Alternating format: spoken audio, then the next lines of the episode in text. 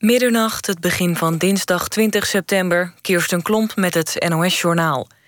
In Syrië is een hulpconvooi in de provincie Aleppo gebombardeerd. Het Syrisch Observatorium voor de Mensenrechten zegt dat daarbij twaalf mensen zijn omgekomen, voornamelijk chauffeurs. De vrachtwagens zouden zijn aangevallen door Syrische of Russische gevechtsvliegtuigen. Het konvooi had meel en medische hulpgoederen voor 78.000 mensen aan boord. De speciale VN-gezant voor Syrië is woedend over de aanval.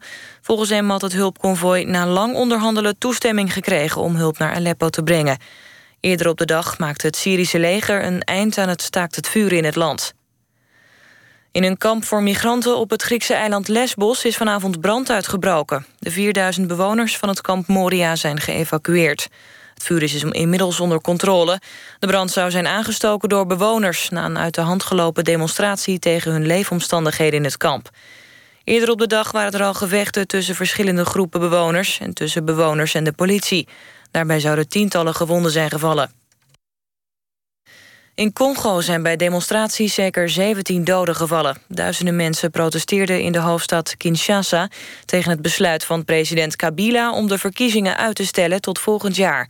De politie greep hard in. Onder de 17 doden zijn volgens het ministerie van Binnenlandse Zaken drie agenten. De onderwijsvakbonden in Turkije hebben gewaarschuwd voor een chaos op de scholen...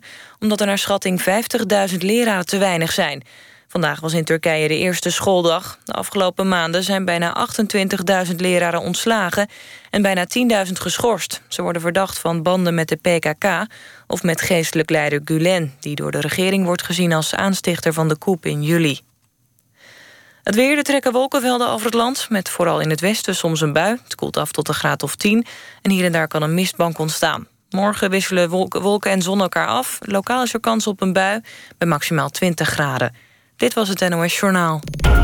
NPO Radio 1. VPRO. Nooit meer slapen.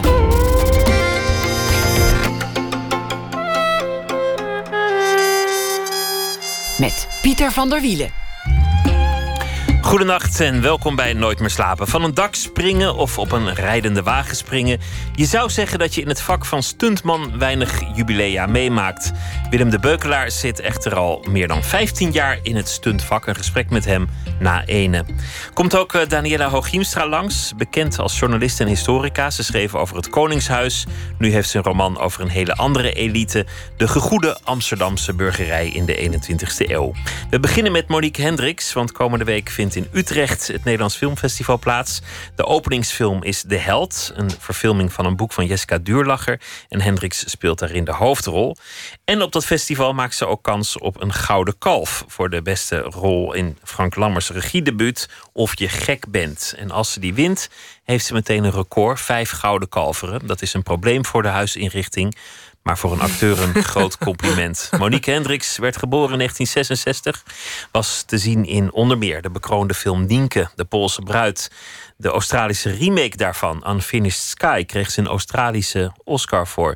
Amazones, de populaire televisieserie Penosa, waar ze de hoofdrol speelt, Carmen van Walraven.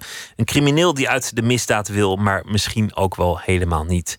En ze speelde ook in Stellenbos en nou ja, heel veel meer titels. Ik zou het uur kunnen, uur kunnen vullen met uh, de titels. Monique Hendricks, hartelijk welkom. Ja, dankjewel. Vind je, vind je dat nog steeds leuk? Of, of heb je dat eigenlijk ooit wel leuk gevonden om naar zo'n première te gaan over zo'n rode loper en dan, dan klaar te zitten en een award te krijgen? Is, is dat een kant die jou, die jou aantrekt van je vak? Mm, niet heel erg, maar ik heb het wel een beetje leren uh, leuk goed te maken. Hoe doe je dat dan? Nou ja, je, je moet het ook een beetje spelen. Dan speel ik gewoon de, de genomineerde. De gevierde actrice. En dat kan best leuk zijn. Dat maar kan best leuk zijn als je je erin stort met volle overgave. Maar dat zie je dan toch als een rol? Ja, ik zie het toch een beetje als een rol, ja. Leef je dan ook in in dat personage? Nee, dat niet. Maar, maar ja, ik, Nee, dat niet. Maar ik, ik bedoel, ik probeer zoveel mogelijk mezelf te blijven in die uh, hectiek. Maar die hele hectiek en die hysterie, die, die, uh, gaat, die, die gaat mij soms een beetje te ver. Het is niet waarvoor je het doet. Nee, het is absoluut niet waarvoor ik het doe. Maar het is wel goed om het, om het, het hele filmfeestje te vieren. En, en, dat, en dat vind ik ook dat dat moet gebeuren. Dus, dus, dus doe ik er wel aan mee. Je moet wel. En ja. het zou flauw zijn om het niet te doen. Ja. Ooit wilde je onderwaterfilmer worden, net als Jacques Cousteau. En dat sprak mij tot de verbeelding, want het is natuurlijk de mooiste televisie ooit gemaakt. Laten we luisteren naar een fragment van, Oh, van de mooie Jacques Cousteau. Ja.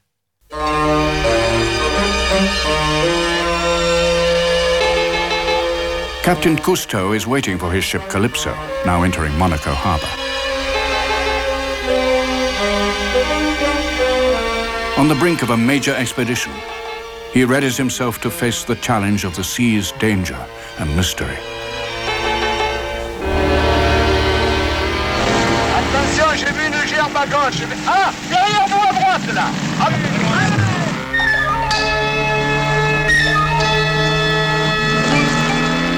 The Calypso crew and I will be undertaking a series of voyages of exploration and discovery in all the seas of the world. We will endeavor to save magnificent creatures threatened with extinction. We will study the behavior of all forms of life that thrive in the sea. We will try to trace the history of the oceans in fossil rocks dating back millions of years. Dat is de mooiste tv ooit gemaakt Ja, met de boot leuk leuk Calypso. Ja. En dan mannen met baarden die dan zeiden: haai aan bakboord. ja, precies. En de, de mooiste aflevering gingen ze op zoek naar het paargedrag van een doorzichtige inktvis die niemand ooit had gezien. En zij ook niet. En dan voeren ze maar rondjes ergens in de Stille Zuidzee op zoek naar de doorzichtige inktvis. En die kwam helemaal niet. Maar dat, dat was desalniettemin prachtige televisie, omdat ze dan ook intussen heel diep mijmerden over de zin van het leven op die boeg. Ja, precies, ja. Waar, Ja. waar was je toen je dat nou, zag? ik, ik, ik heb met mijn, va- mijn vader, die was, die, toen ik acht eh, eh, was, toen werd mijn vader ziek. Toen, toen was dat nog niet voor, voor ons nog niet heel voelbaar. Maar uiteindelijk kon hij steeds minder en stopte hij met werken. En was hij op een gegeven moment thuis. En dan was hij dus altijd thuis als wij uit school kwamen. Eh, en dan, en dan eh, keken wij eindeloos naar die documentaires. En dan hadden we toch het idee dat we echt reizen maakten samen. En, en dat, was, dat, dat is mij zo dierbaar, die, eh, die, die documentaires. En die, dat, dat verbond ons. Ja, ik weet niet, ik vond het gewoon prachtig. Ik vond het gewoon echt prachtig. En, en, en, en het was echt rete spannend, vond ik het echt. Oh, ik, dat hele, sowieso dat onder water zijn. Dat, ik, heb, ik heb wel ooit mijn duikdiploma gehaald. Maar ehm, ik heb daar, daarna eigenlijk voor mijn werk nog wel gedoken, maar, maar, maar niet, niet meer zo heel veel eh, plezier eh, eh, gedoken. Omdat ik ook, weet je, het is echt zo'n mengeling tussen dat ik het heel eng vind eigenlijk. En eigenlijk heel onnatuurlijk, natuurlijk om onder water te ademen. Maar die, ja, dat hele. Ik weet niet, ik vond die documentaires magisch gewoon. Ben je een avonturier? Ja, ik, ik vind het ontzettend fijn om te reizen. Maar ik ben niet zo'n. eh, ik, ik ben niet zo'n lef eh, eh, gozer. In de zin van dat ik best wel snel ook weer bang ben voor van alles. En ik vind het heerlijk om te reizen. En, en vroeger heb ik ook wel echt ben ik maanden op pad geweest, ook met een vriendin naar Mexico en Guatemala en dat was allemaal heel. Ja, soms kropen we ook door het oog van de naald. Dat ik dacht van achteraf van, nou, dat had dat best wel ook verkeerd kunnen aflopen. Welke naald was dat dan? Nou ja, ik ben bijvoorbeeld een keer met een vriend ehm, gingen we naar Suriname. En toen hadden we het vliegtuig gemist in Miami. En toen moesten we daar eh, echt zo eh, eh, in Miami Spring Motel overnachten. Ehm, niemand wist waar wij waren. We werden opgehaald met zo'n oude Mitsubishi met zo'n berenvelletje aan, de, aan het spiegel. En een heel oud autootje. En zo naar een zo vlakbij het vliegveld, Miami Spring Motel. Ik zal het nooit vergeten. En dan spiegels aan het plafond en kakkerlakken aan de muur. En wij vonden het allemaal heel erg spannend. En plakkerige koekjes was een hele lieve man. Sinaasappelsap kregen we. En midden in de nacht, dus wij, midden in de nacht werd er geschoten. En je weet gewoon, als er. Ik bedoel, ik had dat alleen nog maar in films meegemaakt, gehoord.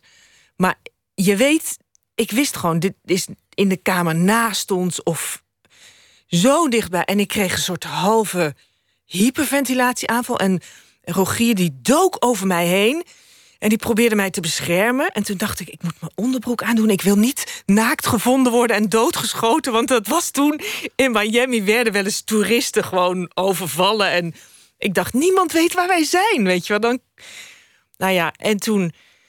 is het dus. Toen, toen ging ik echt op de loop. Mijn, mijn fantasie ging op de loop. Dus ik zag, terwijl ik die onderbroek aandeed, zag ik, zag ik, zag ik scheurtjes in het, in het gordijn van de vorige messteekpartij. Snap je? Ik sloeg gewoon echt. En iedere keer als ik wakker werd, want ik viel dan ook wel weer in slaap en dan werd ik wakker en meteen adrenaline tot hier, tot boven je, ja, tot, tot boven je hoofd. En toen toen nou, hebben we dat dus toch gewoon overleefd, want ik zit hier nu.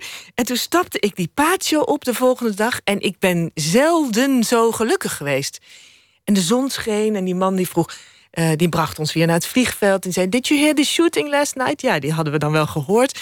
En toen zei hij van: Nou, but it's very safe. You can always bring your friends to uh, Miami Spring Motel. Het ging bijna als, als mooi onweer was dat, hè, vannacht. In plaats van, een, van een schietpartij. ja. ja nou ja, dat soort momenten, uh, dan was ik gewoon hartstikke bang. En ik bedoel, ja, ik, ik vind het heerlijk om te reizen, echt serieus. Maar. Um, maar het moet niet te eng worden. Nee, precies. Dus, dus dat onderwatercameraman, ja, dat vond ik gewoon. Ja, dat, daar heb ik het nog, nog niet, uh, zeg maar, uh, toe geschopt om dat te worden. Het is, het die angst te overwinnen. Nou ja, je kan het ook anders lezen. Dat een onderwatercameraman die duikt onder. Die is, die is weg van de mensen. Die duikt in een hele andere wereld waar ze hem even niet kunnen vinden. Ja, zeker. Het heeft ook een hele romantische kant. Ja, en ik vind het ook echt romantisch onder water. Ik heb, ik heb met mijn moeder dat duikdiploma gehaald. Die was toen 57. Die was echt koningin van het eiland. En, maar die, was, die vond het ook zo spannend dat ik wel echt moest wijzen op de vissen van... Je moet wel genieten, mam, want dit is, dit is het moment. Want je bent dan buddy, hè? Je hebt dan een buddy die je onder water moet, in de gaten moet houden en moet beschermen. En het was heel bijzonder om dat met mijn moeder te doen. Dat is jouw moeder ook wel flink opgeleefd, of, of in ieder geval niet stil komen te staan na het overlijden van je vader. Nee, mijn moeder is echt. mijn moeder is een heel groot voorbeeld voor mij. Eigenlijk. Uh, besef ik me steeds meer. Die, die heeft gewoon, ja, die is niet blijven hangen in het verdriet. Die heeft ook dat verdriet niet op onze schouders gelegd. Want dat, dat kan natuurlijk ook gebeuren als het te groot is en, en, je, en je denkt, uh, geef mijn portie maar aan Vicky, dan uh, zou je ook daar je eigen kinderen mee kunnen belasten. Dat heeft zij nooit gedaan. Ik heb een hele stoere moeder. En, en zij, ja, zij kan echt gewoon leven met dat, wat er, met dat wat er is in de goede zin. Bij haar is het glas echt half vol. Als je, als je, als je na alleen van dat spreekwoord, zeg maar. En hoe, hoe oud is je vader geworden? 49. Precies hoe oud jij nu bent. En toen nam zij een slok. heb je daarvoor nagedacht toen je 49 werd? Van, van verdorie, ik heb, ik heb die oude al overleefd. Ja, ik heb, ik heb me. Nou ja, hij was 49 en hij zou in mei, dus hij was 49,5. Dus ik heb hem nu inderdaad overleefd. Ik heb daar met mijn zus wel over gehad en met mijn broertje. Maar ja, weet je, dat is gewoon toch gek. Dat, nu, is, nu vind ik dat ineens heel jong. Terwijl toen als kind, ja, dan is alles een beetje boven de 40, heeft zijn beste tijd wel gehad. Is oud en, en eigenlijk al bijna daar. een beetje, ja. ja, dat is toch een hele andere beleving als kind. Maar en, en nu realiseer ik me dat het eigenlijk gewoon... Ja, ik wil gewoon nog eigenlijk heel veel doen. En dat wilde hij ook. Maar dan wil zo'n lichaam niet meer. En dat is natuurlijk heel pijnlijk. En uh, die hele aftakeling, dat is ook allemaal niet te doen, vind ik eigenlijk. Het is gewoon niet eerlijk. Als mensen ziek worden en, en dan zo scharminkelig en... en ja, hij kon gewoon... Ik, ik kan me echt herinneren dat hij een, een op een gegeven moment nog een blokje door de wijk kon lopen. En op een gegeven moment een blokje door de tuin. En op een gegeven moment een blokje rond de tafel. En dat blokje werd steeds kleiner tot hij alleen nog maar lag. En, en dat vond ik, dat, ja, dat is mijn, uh, is mijn grootste angst echt. Omdat uh, dat lijkt mij echt afschuwelijk. Maar en het is niet een soort horizon geworden. Dat er ergens in je hoofd zat 49, of, of nou ja, misschien niet letterlijk 49, maar de mogelijkheid van jong sterven. Of dat mensen om je heen jong sterven, die is natuurlijk wel geïntroduceerd in je bestaan. Ja. Maar dat, dat is, heeft ook zijn voordelen natuurlijk. Dat dingen niet vanzelfsprekend zijn. Uh, het is ook wel weer goed om dat te leren. Maar goed, uh, ja, en het is allemaal wel. Ja, het is onnatuurlijk om je vader zo jong te verliezen. Maar er zijn wel meer dingen onnatuurlijk. En het is, het is allemaal wel binnen de bandbreedte. Uh, voor, voor, voor, voor mijn gevoel. En ook, ook al lang geleden natuurlijk, in ja, 1980. Ja. Wanneer, wanneer heb je voor het eerst geacteerd? bewust? Dat, dat, je op de planken stond of voor een camera? Eh, mijn debuut was uh, Blauwmutsje in het eindexamen cabaret op Peeland College. Blauwmutsje? ja, dat was een, een, een, een persiflage op rood kapje.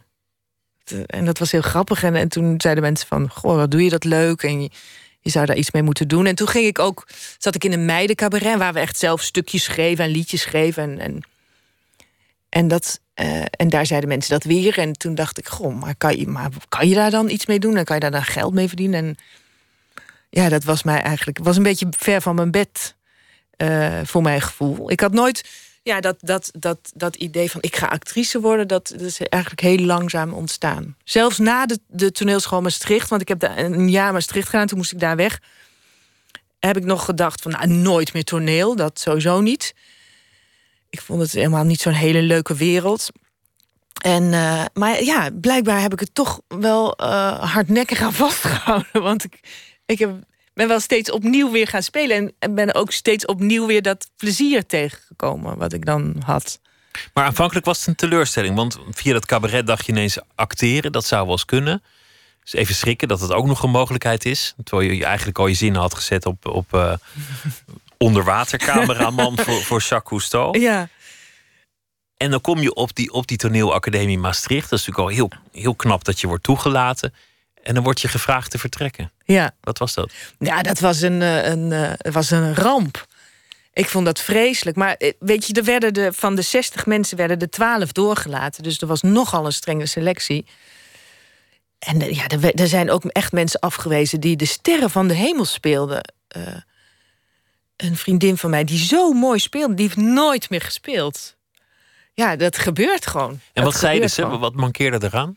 Ja, bij mij was het uh, niet theatraal genoeg. En um, uh, ja, dat vooral eigenlijk. Niet theatraal genoeg. Het dansen was wel voldoende. Dus toen dacht ik, ik ga dansen. En toen ben ik allemaal cursussen dansexpressie en moderne dans gaan doen. En toen dacht ik, ja, dan moet je de hele tijd je mond dicht houden. Dat vond ik toch ook niet heel... Ik dacht, ook niet heel, helemaal leuk. En toen, toen ontstond er eigenlijk een opleiding in Eindhoven... die en heel erg gericht was op beweging... maar ook nog eens een keer een... Ja, een hele... Ja, ik vond het daar gewoon... Ik, ik was daar gewoon meer op mijn plek. Het was een kleinere school. Wij waren eigenlijk, hadden heel weinig uh, leerlingen... in verhouding op heel veel docenten. En daar heb ik gewoon uh, een fantastische tijd gehad. Was je timide als, als tiener? Ja, absoluut. En ik snap ook wel dat ik was echt een beetje bangig en keek de kat uit de boom en ik was niet zo. Kijk mij, kijk mij. En je moet toch als acteur moet je ook ongegeneerd durven zijn. En dat, daar, daarin heb ik wel een ontwikkeling doorgemaakt, denk ik. Ik heb nu, ben nu niet meer zo bang om, in ieder geval in spelen, ben ik niet meer bang om het te laten zien. Hoe kwam het dat je timide was als, als, als tiener? Want, want je hebt een paar jaar in Suriname gewoond. Je bent toen naar Nunen verbannen door, eh, door nee, het lot? Nee, Deurne. Deurne. Ja. Oh ja, nou ja, dat is, dat is voor, uh, voor randstedelingen is dat allemaal... Eén pot nat.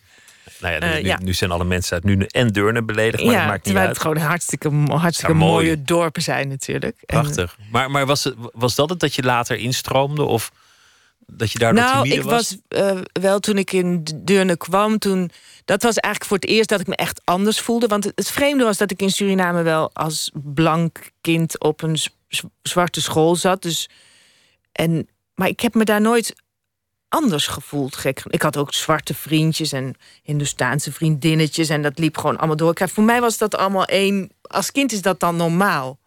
En toen kwam ik in Deurne en toen praatte ik echt een beetje zo. Nou, dat moet je in, in Brabant dan niet doen. Zo'n raar accent.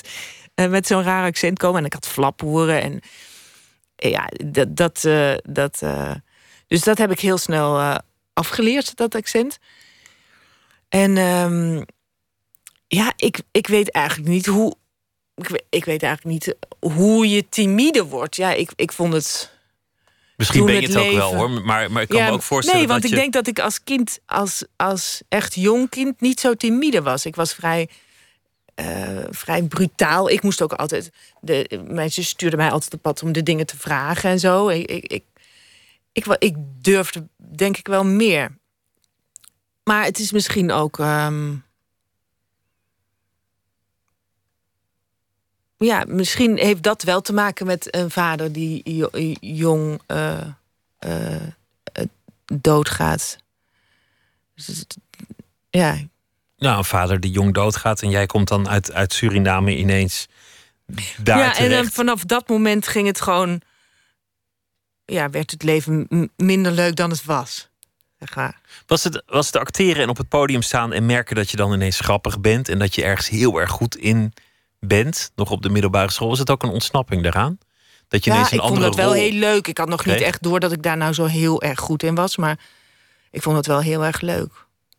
Maar dat schudt je ook iets van je af. Je, je kunt ook ineens jezelf een rol aanmeten in de groep die anders is dan het, dan het stille meisje die zich maar een beetje, een beetje op de vlakte houdt. Ja, en ik denk ook niet dat ik in, in de groep... want ik had wel echt vriendinnen... en, en het was niet zo dat ik heel eh, stil terug... Ja, dat zeiden dan sommige leer, le- leraren... zeggen dat nu wel tegen mij... van toen was je heel stil in de klas. Maar ik heb niet het idee dat ik bij vriendinnen stil was of zo, snap je? We hadden wel echt een hecht vriendinnenclubje... waar we, eh, waar we dingen mee uithaalden... en waar, waar we wel heel veel... Ik heb wel een hele goede tijd gehad in, in Deurne op zich. Snap Zo je? erg was het ook weer niet nee, allemaal. het was niet, het was niet dat ik eh, e- enorm buiten de boot viel. Absoluut niet. Laten we Maar ik heb wel iets met autoriteit, denk ik. Ik heb nog steeds iets met autoriteit. Met of ik. juist niet met? Nee, niet met. Dus. Tegen. Ja, Je hebt iets tegen autoriteit. ja. Had je dat toen ook? Wa- wa- Was het, ja dat, we- dat weet ik eigenlijk was niet. het muiten? Nou, dat ook, weer, dat ook weer niet. Maar ik ben gewoon snel. Ik- denk dat ik sne- me snel aanpas op het, op het moment dat het niet mag. Ik heb snel het gevoel dat het, als, het- als het niet mag, oké, dan, dan, dan, dan doe- zo te braaf of zo. Dat ik, dat ik me liet. eh, eh, ja, liet tegenhouden. Oh, dat, dat is niet wat ik zou verwachten. Nee? Nee, ik, ik zou jou niet als een braaf, gedwee iemand inschatten. Ja, ik heb bijvoorbeeld als ik, eh, als ik politie tegenkom, bijvoorbeeld altijd meteen iets van: oh god, ik, ja, ik ben schuldig. Doe, weet je, geef me dan maar die bon. Want ja, Is dat iets katholieks? ik weet het niet. Dan gaat het ook altijd over schuld en erfzonde en, en Ja, misschien is dat een, een restje van mijn, van mijn katholieke opvoeding. Waar ik me behoorlijk tegen verzet heb en uiteindelijk wel eh, ook van losgekomen ben, hoop ik. Maar ja, misschien. Laten we luisteren naar een, een compilatie van, eh, van verschillende rollen die je hebt gespeeld. Waar, waarin ook te horen is hoe uit, uiteenlopend die inmiddels zijn. Maar ook hoeveel accenten je kunt, hoeveel personages, hoeveel sferen. Wat er allemaal niet eh, uit jou kan komen. Hoeveel suiker? Goedemiddag, meneer. Goedemiddag. Hoe gaat het ermee? Hoe gaat het ermee? Ja, hoe gaat het ermee? Hoe gaat het ermee? Hoe gaat het ermee? Ja. Zegt ze Belman nog wel eens? Dan? Eh, eh, te vaak. Te vaak. Vindt zij? Ze, ze je man. hè? Ja, dat is ze. Toen wist wij van haar. Vandaag oorhandig ik je plaats aan Jelle. Als jullie later vandaag huis toe gaan, is Arcadia niet meer mijn niet. Mijn man zijn of mijn broers zijn niet, maar Jelle zijn. Arcadia gaat naar werk gestrest wordt. Zodat jullie allemaal samen mede-eigenaars zal wezen. Jelle, Jelle is allemaal samen eigenaars van die Jelle-firma. Jelle moet achter jezelf inkomen. O Haarlem, behoud uw vesten. Gij jonkvrouw edel en schoon. Vele vreemden komen ten leste om u te ontnemen uw kroon. Jack, luister. We moeten het doen. Je hebt gelijk, maar laat mij het doen. Justine heeft Boris verslaafd gemaakt. Jong en Koen laten vermoorden. Ik wil het doen. Ze is voor mij. Geef mij jouw pistool. Ik maak haar af. Hoor je dat, Justine? Er wordt om je gevochten. Maak haar los. Maak me los, Tinker. Begon met de Poolse bruid en toen was het eh, Nienke met Jeroen Willems in, in, het Fries. En, en, en daarna raakte ik even de tel kwijt. Was dat is Stellenbos. Stellenbos. Was ook met Jeroen, maar dan als broer. En toen als laatste Penosa. Ja. Heel uiteenlopende rollen. Bijvoorbeeld helemaal in het Fries. Echt, echt wonderlijk hoe jullie dat voor elkaar hebben gekregen. Om zo'n taal aan te leren en daarin te acteren. En, en dan ook alle expressie compleet te doen in, in het Fries. Ben je dat daarna zo'n taal ook meteen weer kwijt? Of kan je dat nu nog? Uh, nou, ik kan, het, ik kan het wel verstaan. Uh, en ik kan, als ik er, als ik er even, e, even weer mee zou gaan spelen... dan zou ik het ook wel weer kunnen. Maar ik heb daar toen wel echt drie maanden lang... Ik heb les gehad van Joke Charlesma, een hele goede uh, actrice uit, uit Friesland. En dan gingen we taartjes eten en koffie drinken. En dan, en dan, uh, ja, dan, dan, dan kreeg ik les. En dat heb ik gewoon drie maanden gedaan. En, uh, en, en voor Stellenbosch, voor het Zuid-Afrikaans ook.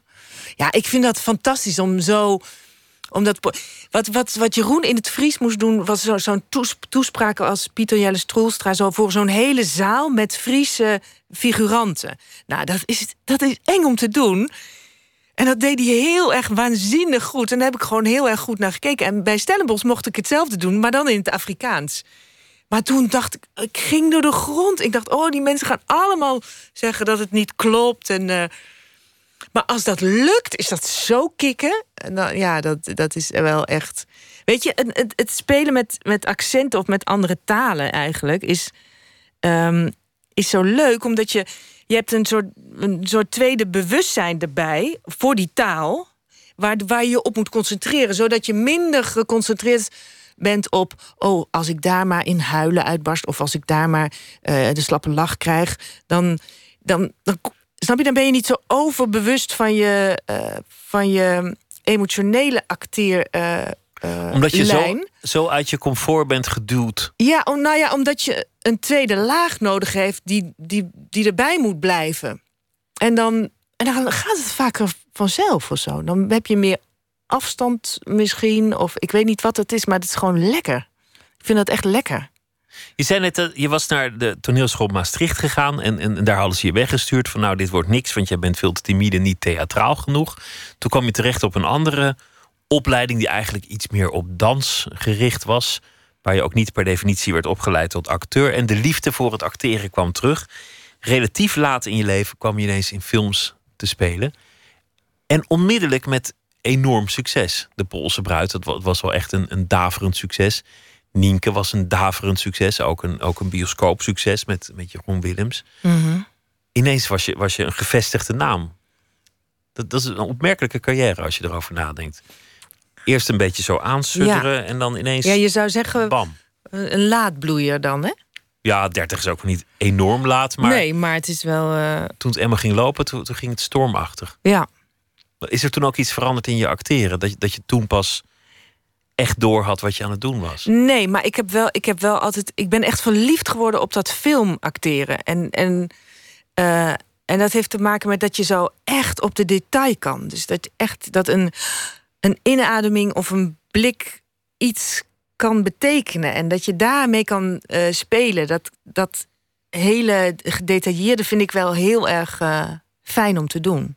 Dat je het heel klein kan maken. Ja. En heel niet theatraal eigenlijk. Ja, Hoewel ik het dan ook weer leuk vind om wel op het toneel te staan en, en zo'n monoloog te doen, zoals Oxytocine of, of Homebody, wat ik vorig, oh, twee jaar geleden gedaan heb.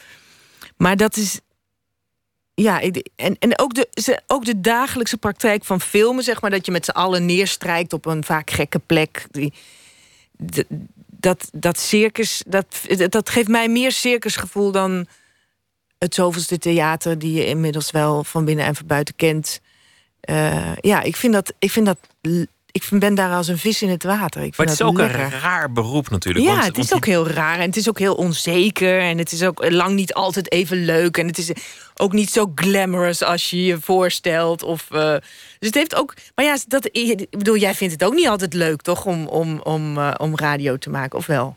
Nou, als ze. Nee, natuurlijk niet. Nee, Nee, er wordt, er wordt nog wel eens vergaderd in de omroep. Dat zou ik dan Precies. bijvoorbeeld. Zou je willen over overslaan. slaan. Ja, en zo Ja. zijn er volgens mij in alle beroepen dingen die je liever wil overslaan. Of die, eh, die. Maar je, je maakt een, een lange dag, zo'n filmset. Dan ben je bezig van, van, van acht uur 's ochtends tot, eh, nou zeg, eh, middernacht. Kan zomaar dat zo'n set zo lang eh, bezet wordt. Ja. En dan zit je heel lang in de make-up en je moet heel lang wachten. En dan ben je aan de beurt en dan wordt er uiteindelijk van die dag misschien 30 seconden gebruikt. En die is dan heel klein. Dan gaat het alleen maar over jouw gezicht. Dat, dat in beeld Ja, komt. ja. Hoewel en dat je- vind ik zo raar. Ja, je hebt ook. Bedoel, bij Penosa bijvoorbeeld draaien wij zo 11 tot 14 pagina's per dag inmiddels. Hè. Dat is gewoon 11 tot 14 minuten screentijd per dag. Nou, dat is best wel behoorlijk voor. eh, Dat is best een opbrengst voor een Ja, dag. Dat is een enorme opbrengst. Dus het is niet altijd zo dat er maar 30 seconden van gebruikt worden. Maar ja, het is gewoon. Ja, je bent natuurlijk ook afhankelijk van een regisseur en hoe het gesneden wordt en eh, de montage. En, maar juist dat, dat, dat samen, zeg maar, die, die, dat, dat gezamenlijke van film. Vind ik, dat vind ik eigenlijk het leukste wat er is. Er zitten scènes in de held. Dat zijn hele lange scènes, opgenomen met een steadicam. Die mij volgt het huis binnen. Dus wij komen aan. Ja, ik moet eigenlijk niet te veel verklappen natuurlijk. Eh, maar eh, wij komen aan en, en, je- ziet waar we komen, in welk huis we komen. En je ziet langzaam eigenlijk alle familieleden worden geïntroduceerd via die camera en via mijn eh, loop door dat huis. En, en dat, dat je dat dan samen met zo'n cameraman, met de art direction, met je eh, collega-acteurs, en met de regisseur natuurlijk, maar dat je dat bedenkt en dat dan samen. Ja, ik vind dat gewoon fantastisch. Eh, dat, is, dat vind ik dan gewoon. Dat zijn dan eigenlijk kleine toneelstukjes in een film, wat je bij een film bijna nooit mag doen. Maar in, in eh, Penosa, in het laatste seizoen, Ja. of, of, het, of het meest recente seizoen moet ik zeggen. Ja. Carmen, jou, jouw personage, die, die wil eigenlijk uit de misdaad stappen, maar toch trekt er van alles. Het is een worsteling in haarzelf. Dan heeft ze ook nog een trauma. Iemand heeft geprobeerd haar te vermoorden. De hele gezin is uitgemoord. Het wordt heel lichamelijk. Het meeste van de spanning zit hem in dat hoofd van die vrouw. Bij jou gaat het heel vaak gewoon over ademhaling. Ze, ze, ze krijgt hyperventilatie. Ze Ja. raakt in paniek. Ze wordt kortademig. Ja. Je zegt al, al zoveel door alleen maar op een andere manier adem te halen. Ja, maar ik denk dat dat echt de basis is van, van spelen. Hoe mensen ademen. En je kan dat sturen natuurlijk. Je kan, Je kan heel hijgen, diep je naar kan je puffen. buik ademen en heel relaxed praten en zinnen afmaken tot aan het punt alsof het niks is en alsof je helemaal niet de behoefte hebt om een bijzin te beginnen. Alsof je een advocaat bent die heel. Ja, ik, ik vind dat dan moeilijk. Ik zou daar echt op moeten oefenen. Ik vind dat moeilijk, want ik ben bedachtzaam en ik, en ik hou van bijzinnen en ik verlies mezelf in bijzinnen. Maar je kan met je adem kan je echt, kan je echt sturen. En je kan je gedachten ook sturen. En Je, ik heb dat ooit geleerd van Karst Woudstra. Dat is een, een toneelregisseur. En die, ehm, die zei altijd... er zitten sprongen tussen... gedachtensprongen tussen zinnen. En, en, maar ook zelfs tussen woorden. Dus tussen halve zinnen. Als er een komma is, kan je al een nieuwe gedachte hebben... waardoor de, de rest van de zin anders gaat klinken. En die, die gedetailleerdheid, die, die, die kan je st- sturen. Je kan je emoties niet echt sturen. Die kan je wel krijgen en daar kan je ontvankelijk voor zijn. Maar vervolgens moet je ze alleen weer beheersen eigenlijk op, to- op toneel of in, of in de film. Maar dat echte sturen van die gedachten en van die adem... dat is het enige wat je kan doen als acteur. En, en, en je moet toch proberen om in het moment te zijn. En, en dus al die repetities en al die gedachten die je hebt over je personage... moet je eigenlijk allemaal weer loslaten... en je gewoon in dat moment eh, eh, be- begeven. Hoe doe je dat dan in dat moment begeven? Ja, dat, dat is de kunst. Dat lukt ook gewoon niet altijd. Dat, dat zijn zeldzame momenten dat dat echt lukt. Maar je voelt wel als het lukt. En dat voelt iedereen op een set ook. Je voelt dan een soort collectief, collectieve concentratie en een collectieve energie waarop, dat, waarop je denkt: van, yes, ik heb hem. Of ik, Dit is hem. dit is hem, ja. En dat zijn van die zeldzame momenten dat alles samenvalt. Van Amerikaanse acteurs zijn de, de verhalen bekend dat, dat ze dan hun, eh, hun vijand in de film niet mogen zien op de set voordat het draaien begint. dat ze dan ook in een, een aparte trailer moeten, moeten omkleden. Want anders dan vliegen ze hem aan omdat ze zich al de hele dag inleven in de woede van hun personage. Terwijl, terwijl Nederlandse acteurs die, die, die grinniken daar allemaal een beetje om. Ja, maar dat is misschien ook om, eh, omdat wij dat gewoon helemaal niet kennen. Wij hebben niet de. Ik bedoel, ik heb. eh, Het zou niet eens hebben lukken. geen eigen trailer. Nee. Nee. dus dus het, eh, je Je ontkomt er niet aan. Je, je moet wel met ze dealen. Ja, ik vind het ook. Ik heb dan heel snel zoiets van. Wat Laurence Olivier tegen, tegen Al Pacino zei in. in nee, tegen Dustin Hoffman in The Marathon Man. Want Dustin speelde toen zo'n man die de hele tijd eh, weet je, marathons rende. En dan kwam hij ook zo naar de set gerend. Want dan was hij aan het method acten. En dan zei, en dan zei eh, Laurence Olivier zei tegen hem van... Dustin, why, why don't you try acting? Dan. je hoeft het niet te zijn, je moet het, maar, je moet het acteren. Ja, je moet doen alsof. Je moet doen alsof je het bent. En, en, en zo goed dat je het misschien wel zelf gelooft, maar ook weer niet te hard natuurlijk, want dan hou je het ook niet vol. Als je, dan word je gek. Dan word je gek. Veel gaat voor een actrice over het uiterlijk, voor een acteur ook trouwens. Maar tegelijk kom je natuurlijk in zeer, nou ja, niet complimenteuze settings op dat scherm terecht. Als je Nou bent, dan ben je nou niet echt de meest charmante vrouw die het land ooit heeft voortgebracht. Nee. Of, of in Nienke, dan, dan heb je koortsaanvallen, dan lig je te eilen. Ja. Of, of in, eh, in Penosa, dan, dan is Carmen net overhoop geschoten en dan, dan is ze ziek of ze is hysterisch en ze ligt op de grond te trappelen. Dan, dan moet je daar toch eventjes niet bewust zijn van de camera als je dat speelt. maar nee. En, dan, en dat is ook fijn dat, dat, dat, dat, dat je juist als acteur ook lelijk mag zijn en ook eh, ongegeneerd en, en ja, zoals, zoals mensen zijn ook gewoon. En, en dat is. Dat is ook juist de kunst om daarin ongegeneerd te zijn. Omdat dat, dat is gewoon fijn om te zien als mensen zich verliezen in iets. Of als het niet lukt. Of als het, of als het ja, te veel wordt. Of als het ja, zo. En kijk je dat dan wel als je het terugziet op zo'n première? Nou, dat is soms iets minder leuk. Ik vind terugkijken echt beduidend minder leuk dan het doen. Doe je het wel? Ja, ik doe het omdat ik, omdat ik wel eens een showreel moet maken, bijvoorbeeld. En dan moet je echt wel, ja, moet je zelf kiezen wat voor scènes daar dan opkomen. En ik doe het op premières, maar dat, dat is niet mijn favor- favoriete bezigheid.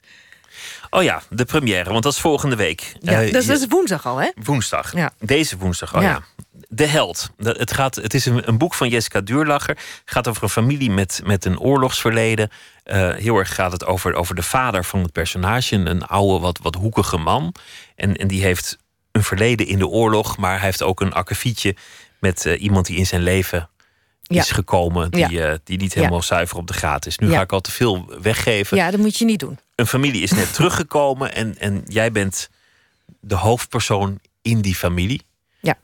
Wat Ik- kun je zeggen over je personage? Hoe Nou, zou je die wil, omschrijven? eh, eigenlijk wil ik, eh, ben ik daar zo nieuwsgierig eh, naar geworden... naar dat hele oorlogsverleden van mijn vader... dat ik daar een boek over wil schrijven. Maar ik pak dat heel voorzichtig aan. Want ik weet dat het een grillige, nogal driftige man is. En, en langzaam worden dan eigenlijk in het verhaal... die geheimen eh, uit die oorlog... die nog steeds van invloed zijn op die familie... onthuld. En intussen heb je ook nog eh, kinderen. Althans, jouw personage heeft kinderen. En eh, die gaan hun eigen weg. En een ervan die heeft zich aangemeld in Amerika... om daar US Marine te worden. Ja. En dat vindt de moeder niet leuk. Dus, dus dat is eigenlijk een van de meer emotionele scènes die je speelt. Je moet proberen die jongen Tegen te houden. tegen te houden. Ja. Je, en je reist hals over kop Ja. af naar, Ja. naar, de, naar de... wa- Was dit, was dit een moeilijke rol voor jou? Ehm, nou, zoals iedere eh, rol opnieuw moet je wel weer het, het, het wiel uitvinden. Maar eh, het was geen hele. ehm, het was niet moeilijker of minder moeilijk dan, dan, dan andere rollen. Eh, Wat ik, ik, vond dat, ik vond die relatie met die zoon heel erg mooi. Dat symbiotische, dat echt zi- zich moeten losrukken en echt niet begrijpen dat hij iets anders wil of zou kiezen. Ehm, en, en iets wat helemaal tegen haar gevoel ingaat. Het lijkt mij ook heel erg lastig hoor. Als je kind eh, ehm, die keuze maakt. Zeker omdat je om, omdat de. Ja, ik bedoel, je verliest je kinderen natuurlijk altijd. Ze moeten ook, je moet ze ook verliezen, want ze moeten de wijde wereld in. Maar ergens is er iets wat ze ook klein wil houden of zo. Of bij je wil houden. Of... Als je dat speelt, ben je, dan, ben je dan zelf moeder op dat moment? Denk je dan aan van, oh, wat is, wat is mijn eigen kinderen? Nee, die ik, ik, ik ben niet zo'n eh, m- method eh, acteur, denk ik. Omdat ik omdat bij mij dan eigenlijk juist, als ik mijn eigen kind of mijn eigen vader eh, eh, eh, daar eh, als, als eh, voorbeeld voor, voor neem of daartussen zou zetten, dan zou ik juist niet de neiging hebben om dat te delen met eh, de halve wereld of met in ieder geval met de kijkers. En, en dat, moet, dat moet natuurlijk wel. Dus bij mij werkt dat een beetje averechts. Maar Want ik jij weet zou in het natuurlijk echt wel. juist heel beheerst zijn. Nou, dat weet ik helemaal niet. Maar, maar nee, dat denk ik eigenlijk helemaal niet. Ik, ik, ik probeer wel echt mijn. Ik weet wel waar die emoties zitten. En dat probeer ik wel fi- bijna fysiek inderdaad eh, eh, eh, te, te plaatsen of zo. Het is, het is echt lichamelijk hoe je acteert. Het is, het is echt. Ja, het is eigenlijk best heel eh, lichamelijk, ja. In de zin van. eh, ja, dat, het, dat, je, dat je letterlijk plekken hebt van buik of adem. Of soms kom ik ook thuis van Penosa en zitten die schouders helemaal hoog. Weet je, dat je denkt, doe even normaal. het is gewoon, het is maar spel. Het is ook maar spel natuurlijk. Maar ja, je, je moet het wel zo spelen dat, dat mensen het geloven. Het mooie is dat, dat je, je, was, je was de lieveling geworden van, van, van de echte mooie, grote, chique Nederlandse film. Na, na Poolse Bruid en, en Nienke en dat soort films. En het is natuurlijk ook prachtig dat, je- dat je inmiddels alle hoeken van wat er als actrice te doen is in Nederland hebt gezien. Het is werkelijk niet één soort rol die je nog niet hebt gedaan. Van, van gangsters tot, eh, tot loeders, tot, eh, tot, tot juist. eh, Tot heel sexy in of, in of ik gek ben. Ik Ja. noem maar wat. Ja. ja. Ja, dat vond ik wel, vond ik wel een nieuwe uitdaging hoor. Want eh, dat is nou niet iets. Want het is een vrouw die en de s- seksualiteit heel erg inzet, maar ook nog eens een keer misbruik maakt van de macht die ze heeft. En dat had ik toch nog niet echt zo gespeeld. Tenminste, niet zoals ik het mocht van Frank Lammers.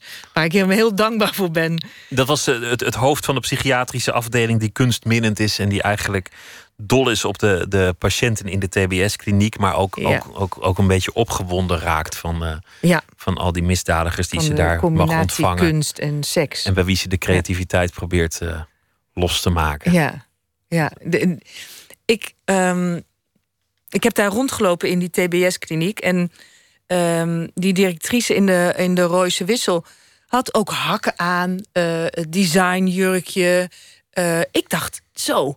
En zij loopt hier rond tussen al die cliënten, want het zijn geen eh, ehm, gevangenen me- meer. Het zijn cliënten. Het zijn mensen die vanuit de gevangenis komen en, en eindelijk over hun delict kunnen praten. En, en het is nogal een, een verantwoordelijkheid. En, en zij loopt daar zo met zo'n gemak tussendoor. Ik vond het echt bewonderenswaardig. Het was helemaal niet op haar gebaseerd in de zin van dat zij haar macht zou misbruiken hoor. Helemaal niet. Want het is een fantastische vrouw die heel goed werk do- doet. Maar een idee is toch snel ontstaan van, van hé, hey, wat als je dat karikaturaal zou maken? Een, een mooie nou, vrouw. ik vind het in de film niet zo heel karikaturaal. Het, het is natuurlijk wel een beetje aangezet omdat het ook staat voor iets.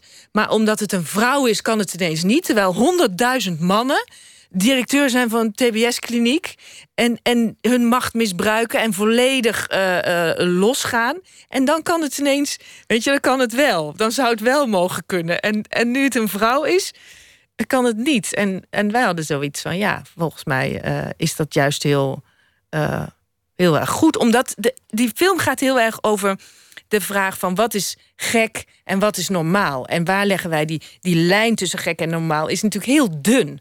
En mensen in het gewone normale leven zijn vaak ook heel gek. En mensen in het psychiatrische TBS-leven, die zijn vaak ook heel normaal. Er stond een man bij een, bij een hout... eh, een hout, eh, eh, eh, hoe noem je dat? Houttherapie. Dan moeten ze van alles maken met hout. Die had een prachtige kast gemaakt met allemaal verbindingen, hele mooie verbindingen. En die was ik aan het bewonderen. En toen zei ik, maar hoeveel eh, cliënten heb je dan op zo'n dag? En toen zei hij, ja, ik ben zelf ook cliënt.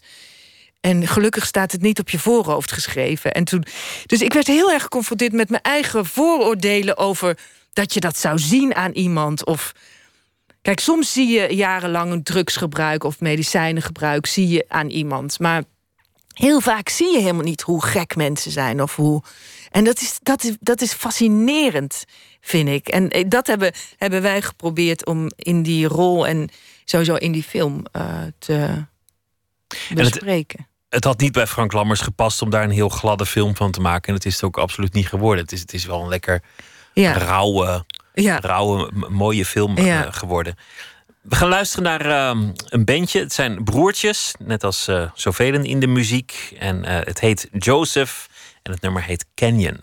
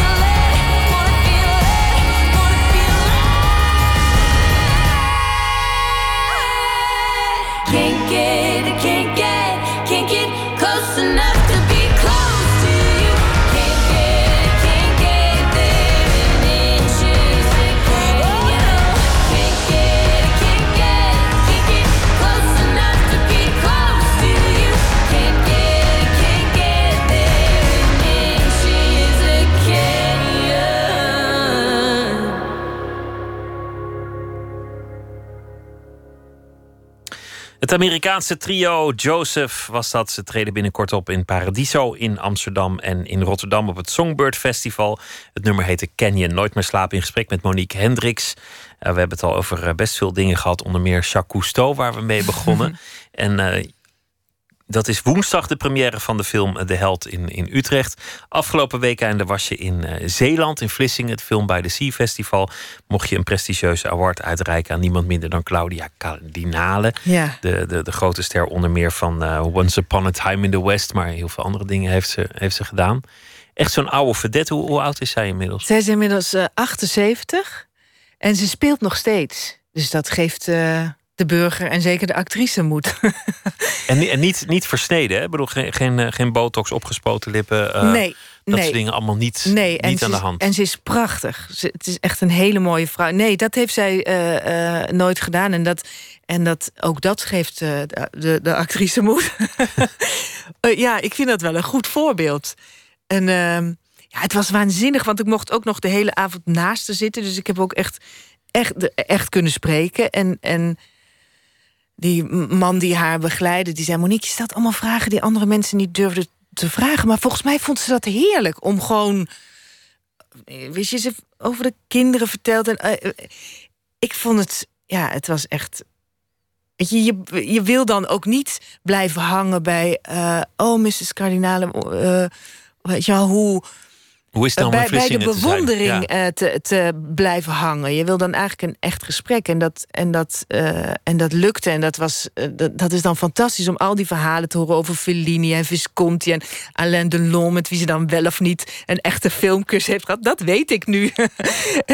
Dus dat zijn dan ook. Je, je kent die mensen. Het was natuurlijk. Ik, toen ik, ik was denk ik 15, net 15 toen ik Once Upon a Time in the West zag. En, ehm, en, en mijn eh, eh, ehm, eh, toenmalige vriendje liet mij die, die, die film zien. En, en hij is nu mijn man. Ik bedoel, dat is een heel ander verhaal. Maar dat heb ik in die speech gebruikt. Omdat hij zei, ja, dat is echt de mooiste vrouw ter wereld. En ik zag gewoon een vrouw die... Ik bedoel, ik zag ook... Ik kon het daar natuurlijk niet mee oneens zijn. Want zij is, eh, zij is ook echt de mooiste vrouw Ja, maar dan was jij wereld. meteen de, de één na mooiste Ja, vrouw. nou ja, dat weet ik niet. Maar in ieder geval, ik zag ook een vrouw die, die gewoon. eh, ja, die zich moest, eh, moest eh, schrap zetten in zo'n mannenwereld van, van het Wilde Westen, zeg maar. En die dat op een fantastische manier doet. Dus zij heeft. Ze heeft ook een hele mooie stem. Die heeft ze ook nog steeds. Ze, ze rookt echt ketting. Ze moeten echt heel erg veel naar buiten om sigaretjes te roken. Ik heb zelfs, ik rook echt al heel lang niet meer. Maar ik heb zelfs een sigaretje met haar gerookt. Ja, een sigaretje van mevrouw Claudia Cardinale kan je gewoon niet, niet, Kan niet afwijzen. Kan je gewoon niet weigeren. Maar toen zei ze ook, nee, je moet dan zo roken. En dan zo van die wolkjes uit, uitblazen. Dus dat heb ik, dat heb ik nu gedaan. Ja, het was, het was echt fantastisch. Het was echt een eer om dat te doen. En ik vind het dan zo... Weet je, ze heeft ook die hele zachte handen. Dat vind ik ook wel ontroerend. Dat zo'n zo'n vrouw die dan een heel heftig leven heeft gehad... eigenlijk in ieder geval heel bereisd... maar ook een best heftig leven. En, ehm, en dat, dat, dat je dan zo'n hele zachte handen eh, krijgt. Alsof je toch ook weer heel een beetje zo kwetsbaar wordt of zo. Ja, ik vond het echt ontroerend om te, om te zien en om, om, om met haar te praten. En, eh, Er is wel vaak een ongelijkheid voor acteurs. Mannen kunnen honderd worden en dan nog steeds de hoofdrol hebben en nog, nog voor aantrekkelijk doorgaan. Bij vrouwen is het meteen een, ja, maar kwestie. misschien gaat dat. eh, eh, misschien draait dat wel een beetje. Ik denk dat er ook wel meer interessante oudere vrouwenrollen komen. Die zijn er natuurlijk wel. In Hollywood hebben alle, alle vrouwen boven de 40 van alles laten doen om, om die carrière nog te rekken. Ja. Daar is misschien ook gewoner. Ik, ik heb daar ook geen mening over. Als iemand dat wil, dan moet hij dat gewoon doen. Nou, ik, ik, ik, ik vind dat ook. Maar ik vind het eigenlijk wel een. Die hele industrie die daarachter zit. En ook de hele, het hele idee van dat je het allemaal maar moet doen. Ik vind het eigenlijk zo'n slecht voorbeeld naar, naar kinderen, naar jonge meiden toe. Zo'n je zo'n eigenlijk heftig model van- krijgen opgedrongen. Ja, omdat je eigenlijk zegt van je bent gewoon niet eh, goed genoeg zoals je bent. Dat vind, ik wel, dat vind ik er wel echt mis aan, geloof ik. Snap je? Je kan wel zeggen van. Kijk, toen ik in Hollywood was, was er een meisje van 14 die kreeg een boobjob voor de verjaardag. Als wij daar naartoe gaan, ik vind dat gewoon misdadig. Voor haar 14e verjaardag. Dat is gewoon misdadig, omdat die borsten nog niet eens zijn uitgegroeid. Dat zijn natuurlijk de ex- excessen. Bedoel, er zijn natuurlijk, ik heb ook mijn oren recht laten zetten, snap je? Ik weet ook niet of ik dat had, had moeten doen. Maar Nou, je hebt toch nu mooie oren. Ik weet niet hoe het was. maar- ja, ja, nou, ja ze, ze, ze stonden zo en ik had gewoon zoiets van... ja, dat is zo kwetsbaar eh, de hele tijd. Dus ik wil ook wel eens een keer eh, weten wat het is. Maar er waren een aantal mannen die, die de- vonden dat ik het niet moest doen. Waaronder Frank Lammers en eh, Johan Heldenberg. En ik, ik heb toen echt... En ik heb ook echt wel getwijfeld. Oh, Ik deed het op mijn 34ste. Wat, eh, terwijl Maar die, op die, 37 druk, die druk is misschien groter om, omdat het in het vak zo enorm over je uiterlijk gaat. Omdat je zo in beeld bent. Ja. Ja, misschien wel. Maar misschien moet ik dan gewoon iets anders gaan doen als ik. Maar ik denk ook, weet je, als je. Als we het hier niet doen of minder doen, dan eh, moeten ze die vrouwen uit Europa gaan halen natuurlijk. Want straks hebben ze geen oude vrouwen meer in Amerika. Die zijn dan gewoon niet meer te vinden. In ieder geval niet vrouwen die eruit zien alsof ze oud zijn. En dan kunnen wij daar die, die, die interessante oma-rollen gaan spelen. Je wordt dit jaar 50. Sorry dat ik het zo benadruk. Waarin in je leven ben je, ben je toch een beetje Jacques Cousteau gebleken? Welk, welke grote ontdekkingen heb je, heb je gedaan? Waarin, waarin ben je toch nieuwe wateren ingegaan? En, en wat heb je eigenlijk nog voor de boeg? Ehm, God, waarin, waarin ben ik? Nou, ik heb nog geen uitvinding. Ja, ik heb wel iets uitgevonden trouwens. Dus, Nee, maar voor jezelf, in je, in je eigen bestaan. In mijn Wa- eigen wat heb je gedaan dat je zelf heeft verrast? Wa- Wanneer ging je, ging je een, een, een, een nieuwe weg in Nou, ik waarvan heb- je dacht dat je hem nooit zou doen? Ik heb een dochter gekregen waar ik heel erg trots op ben. Eh, en wat ik eigenlijk dacht dat ik misschien wel nooit zou durven om die intimiteit aan te gaan met iemand om een kind op de wereld te zetten. En eh, dat gaat hartstikke goed en, en daar ben ik heel eh, blij mee. Met je hervonden jeugdliefde, met wie je Claudia Ja. Cardinale had gezien. Ja, precies. Ja. en wel meer films trouwens. Die ik nu dan weer aan mijn dochter kan laten zien. En dat is ook leuk, want dan ben je een beetje zo uit de, eh, uit de puber-series. kan je echt een keer goede films laten zien. Dat vindt ze nu ook leuk. Ehm, ja, waarin heb ik eh, eh, bergen verzet? Ik weet het niet. Ik ben, ben er denk ik achter gekomen dat, dat in de dat is, dat is misschien het enige voordeel van ouder worden en van dus ook eh, de- dood meemaken met, met mensen die je verliest, is dat je, dat je dus. Dat je dus eigenlijk heel erg levend bent zolang je hart klopt. En dat je dat dus ook. dat er niet meer. Ja, er, is die, die dood, maar naast de dood voel je je heel erg levend en kan je, en kan je ook. eh, eh, kan, eh, hoe klein dat gevoel ook kan zijn, maar dat, dat, je, dat je dat koestert en, waar, en waardeert en dat dat dierbaar is, dat, dat wordt wel groter ook, geloof ik. En misschien wel makkelijker te vinden. Want we hadden het over je vader. We hebben het, we hebben het terloops gehad over Jeroen Willems. Een, een dierbare collega die ook heel jong, Mhm. heel plotseling eh, is, is overleden. En we hadden het over, over de, de vakantieervaring waarbij het motel wordt opgeschrikt door, Ja. een, door een schietincident. En de volgende dag op het, op het parkeerterrein voelde je je bijna euforisch. Ja. Om- omdat die dood Ja. zo nabij was geweest. Ja, en, en, en, dat het, en dat dan zo dat je zo kan genieten van, klein, van kleine dingen, dat is, eh, dat is dan wel heerlijk om te kunnen. Ben je bang dat, dat, dat mensen in je omgeving je ontvallen? Ja. Meer dan dat je zelf eh, uitglijdt? Eh, ja, eigenlijk wel. Ja, ja, ik- dat staat misschien een beetje op één. Want je verliest elkaar Lijn. hoe dan ook. Wie er ook uitglijdt. Ja. Het lijkt mij wel fijn om, als je, als je dan dood moet gaan, om dan pat de boem dood te gaan. Voor degene die doodgaat, lijkt me dat fijner dan, Heerlijk, ja. dan zo eindeloos Nou ja, te heerlijk, lijden. maar- Ja, je kan ook eh, geen, geen afscheid nemen. Maar ja, wat, wat moet je zeggen als je afscheid neemt? Ik weet het niet. Dat kan helemaal niet. Nee, dat kan helemaal niet. Dat bestaat helemaal niet. Maar het is misschien een beetje vroeg als je, als je 50 wordt om het daarover over te hebben. Maar wat, wat zou je nog willen? In- Nou, ik wil die- nog heel 50 veel. Ik- Jaar, ik- in die 60 Ik jaar. zou heel graag ehm, eh, meer, toch iets meer aan de, aan de, eh, met de on- ontwikkeling bezig zijn van film en tv. En, eh, dus iets meer willen schrijven misschien. Dat klinkt wel spannend. Ja, dat klinkt best spannend, ja. Vind ik ook nog steeds spannend klinken.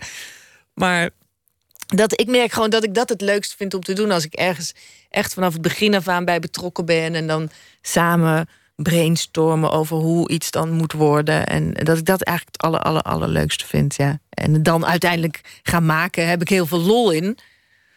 Maar als ik die rollen niet meer krijg, dan, dan ga ik wel iets anders zoeken om, om toch verhalen te maken, denk ik. Er komt een speelfilm van Penosa. Althans, dat, dat, dat eh, las ik in de krant. Ja, ik las dat ook in de krant. Maar je meer weet je er niet nou ja, van. ik geloof pas dingen op het moment dat er de eerste draaidag daar is. In filmland moet je niet geloven in dingen die. eh, ja, ik bedoel, je moet wel eh, natuurlijk plannen maken. En, maar je moet ook op, op verschillende paarden wedden, omdat je anders gewoon niet kan overleven als acteur. Dus, dus ik geloof, ja, ik weet gewoon niet. Dat is altijd zo onzeker tot, tot het moment dat het groene licht gegeven wordt en dat je het echt kan gaan maken. Woensdag de première van De Held. Wens ik je heel veel plezier. Vrijdag de Gouden. Kalveren. Wens ik je heel veel succes. Dankjewel, Dankjewel. Monique Hendricks. Graag gedaan.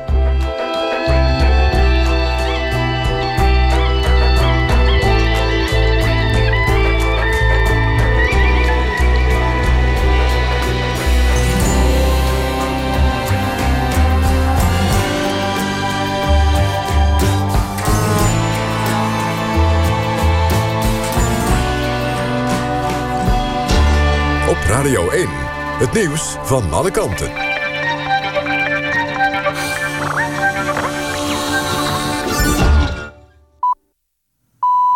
1 uur, Kirsten Klomp met het NOS-journaal. In Syrië is een hulpconvooi in de provincie Aleppo gebombardeerd. Het Syrisch Observatorium voor de Mensenrechten zegt dat daarbij 12 mensen zijn omgekomen, voornamelijk chauffeurs. De vrachtwagens hadden meel en medische hulpgoederen voor 78.000 mensen aan boord. Ze zouden zijn aangevallen door Syrische of Russische gevechtsvliegtuigen.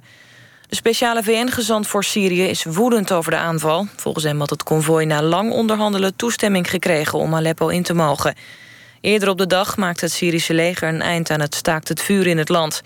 Sindsdien zijn er tientallen aanvallen geweest... waarbij zeker twintig doden zouden zijn gevallen. De politie op Bonaire is op zoek naar een zevende verdachte... voor de moord op een agent uit Nederland vorige maand. Het gaat om een man uit Venezuela van tussen de 25 en 30. Vijf van de zes verdachten die al vastzitten... komen ook uit Venezuela. De Nederlandse agent werd neergeschoten tijdens een achtervolging... na een woningoverval in Kralendijk, de hoofdstad van Bonaire. Hij overleed later in het ziekenhuis. In een kamp voor migranten op het Griekse eiland Lesbos... is afgelopen avond brand uitgebroken. De 4000 bewoners van het kamp Moria zijn geëvacueerd. Het vuur is inmiddels onder controle. De brand zou zijn aangestoken door bewoners... na een uit de hand gelopen demonstratie... tegen hun leefomstandigheden in het kamp. Eerder op de dag waren er al gevechten tussen verschillende groepen bewoners... en tussen bewoners en de politie. Daarbij zouden tientallen gewonden zijn gevallen. Bij een Romeinse villa in Meersen in Limburg... zijn sporen gevonden van een groot badgebouw. Luxe Romeinse villa's hadden wel vaker privébaden... maar alleen de grootste en belangrijkste hadden er een apart gebouw voor. Het onderzoek is gedaan met elektromagnetische metingen en een grondradar. Er zijn onder meer resten van marmer, pleisterwerk... en ronde tegels van een vloerverwarming gevonden. Het weer, er trekken wolkenvelden over het land... met vooral in het westen soms een bui. Het koelt af tot een graad of 10. Morgen wisselen zon en wolken elkaar af. Lokaal is er kans op een bui met maximaal 20 graden. Dit was het NOS Journaal. NPO Radio 1. VPRO. Nooit meer slapen.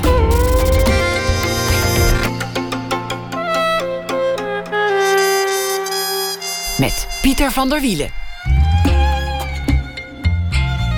Willem de Beukelaar is mede-eigenaar van stuntteam Hemmy de Beukelaar. En dat is eh, opgericht en vernoemd naar zijn vader. 16 jaar lang heeft hij zelf de stunts uitgevoerd en nu coördineert hij het stuntteam. Met hem praten we zo meteen over het vak van stuntman. Historica-journalist Danielle Hooghiemstra komt langs. Ze heeft een roman geschreven. Wat echt is, is haar debuut. En we beginnen met Karin Amatmoekrim. Zij is schrijver en ze zal deze week elke nacht een verhaal maken bij de voorbije dag. Haar laatste boek heet trouwens De Man van Veel. Karin, goeienacht. Goeienacht, Pieter. Hoi. Nou, leuk dat je het gaat doen deze week. Elke nacht een, eh, een verhaal maken bij eh, de dag die dan een uur voorbij is. Wat, eh, wat is het vandaag geworden? Nou, ik heb net een, een nieuwe roman afgeschreven. En nu voel ik alsof ik uit zo'n hele veilige duisternis het veel te felle licht instap. En ik weet niet zo goed wat ik ervan moet vinden nog, van, van al het nieuws. Maar gisteren eh, stond ik langs de kant bij een eh, halve marathon. En toen besloot ik voor het eerst in mijn leven aan een eh, protestmars mee te doen. En daar heb ik iets over geschreven. Ga je gang. Ondanks mijn gebrek aan waardering voor collectieve inspanningen en sportieve prestaties, stond ik gisteren achter een dranghek bij de Dam tot Damloop. Ik was er om naar mijn echtgenoot te zwaaien. De kinderen en een nichtje van ons waren mee. Het zwaaien duurde niet meer dan een seconde en toen was hij weer uit het zicht. Waar gaan ze heen? vroeg het nichtje verwonderd en ik antwoordde dat ik me dat al jaren afvroeg bij hardlopers. Wat wacht hen aan het einde van de weg en waarom hebben ze zo'n haast om er te komen?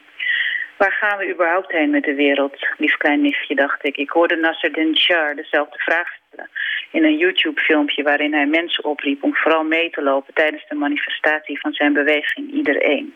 Waar gaat het heen met ons land, vroeg hij aan zijn publiek. En het antwoord moest liggen in het vastberaden plan om er iets van te maken, samen. Ik dacht aan Voltaire's Candide en dat er ooit een rotsvast optimisme was waarin het Westen geloofde. De weerzin tegen dat dogmatische vertrouwen in de gezeten macht luidde toen de verlichting in. Dat was toen en hoewel er in het hier en nu minder ziektes zijn, meer welvaart, minder oorlog, heerst vandaag de dag het pessimisme. En het kan geen toeval zijn dat het precies dezelfde functie heeft als dat hardnekkig geloven dat alles was zoals het moest zijn. Het voeden van het pessimisme van onze eeuw houdt de burger bezig, zodat hij nooit eens de vragen zal stellen die er werkelijk toe doen.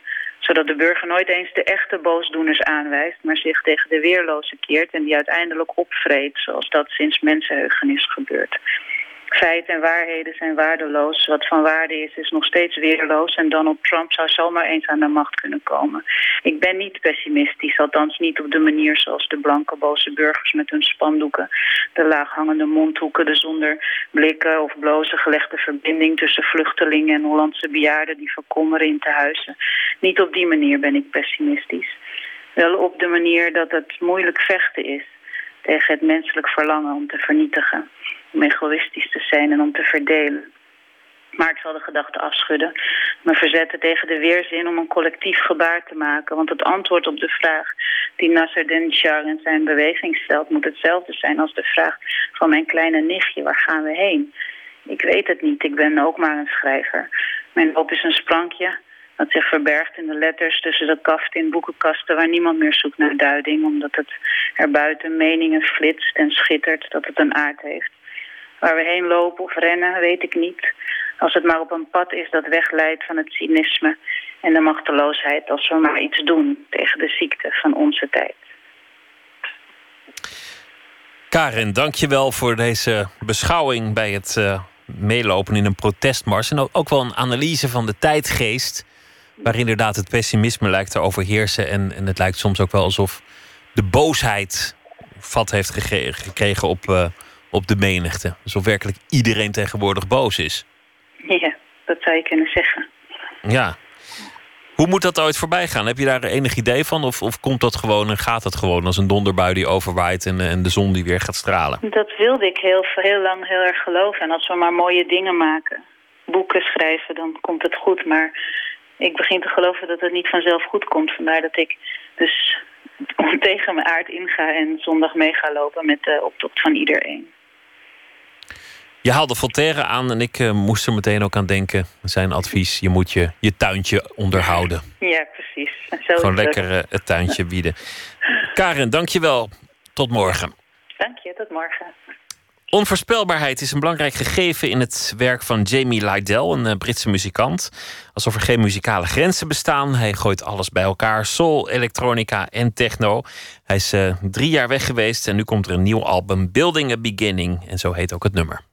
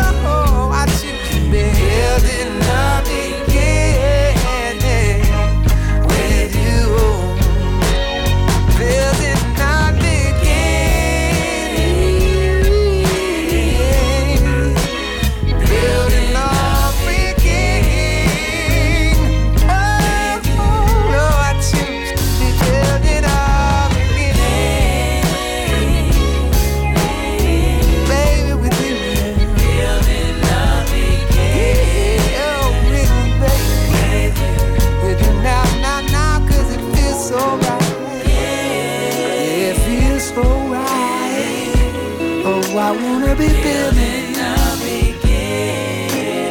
Building a beginning with you.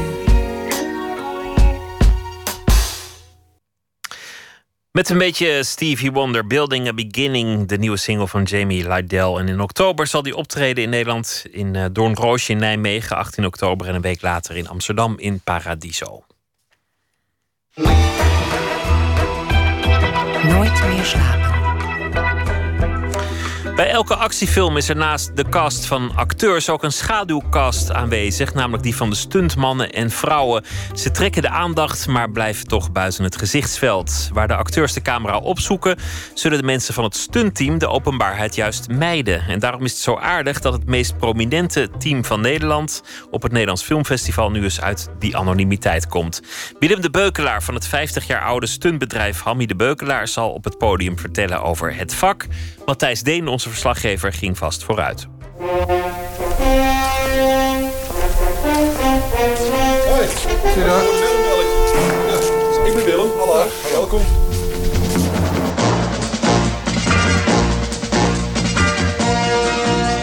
Het had moeilijk anders kunnen lopen met Willem de Beukelaar.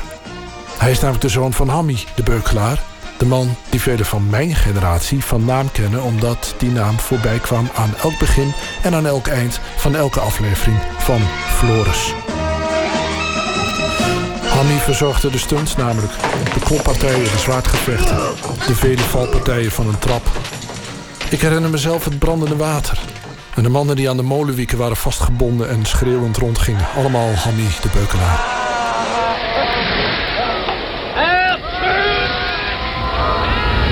Hoge heer, vangen veel wind.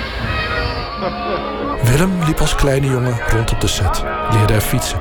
Keek op naar zijn vader. Zag het respect waarmee hij behandeld werd. Dacht, dat kan ik ook. Eh, Dat wil ik, ook. Ik vond het fantastisch. Al is het vak bijna niet meer te vergelijken met de tijd van Floris... toen ook zijn vader professioneel nog in de kinderschoenen stond... en hij, hoe kneuterig het er soms ook uitzag... risico's nam die nu onvoorstelbaar zijn. Het, hij, hij vertelde zijn verhaal is dat hij ooit een keer in de gracht van Amsterdam gedoken is. Zonder, dat zouden wij nu nooit meer in de gracht duiken... zonder dat daar eerst twee duikers in geweest zijn. Om te kijken of er geen fietsdingen, toestanden... En dat dreef onder water, een meter onder water, dreef een matras. Helemaal verzadigd. Daar ging je met zijn hoofd doorheen en die bleef om zijn middel steken. En dan kom je er gewoon niet meer uit.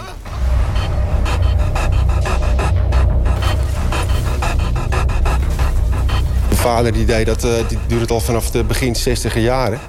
En het is bij mij er gewoon ingegroeid. Alleen had je wel voor mij besloten of ik talentvol was, ja of nee. Die vond het al vreselijk dat ik het ging doen. Eh, net zo dat ik heel blij ben dat mijn eigen zoon eh, voor iets anders gekozen heeft. En, maar hij heeft daar echt een, echt een grote vinger in gehad. In de spreekwoordelijke pap. Omdat eh, je moet wel iets kunnen. Wat? Nou ja, mijn grote kwaliteit heeft altijd gelegen in auto, vooral autostunts, eh gevechtssimulaties en eh, dingetjes met, eh, vooral vroeger met motoren en, en fietsen.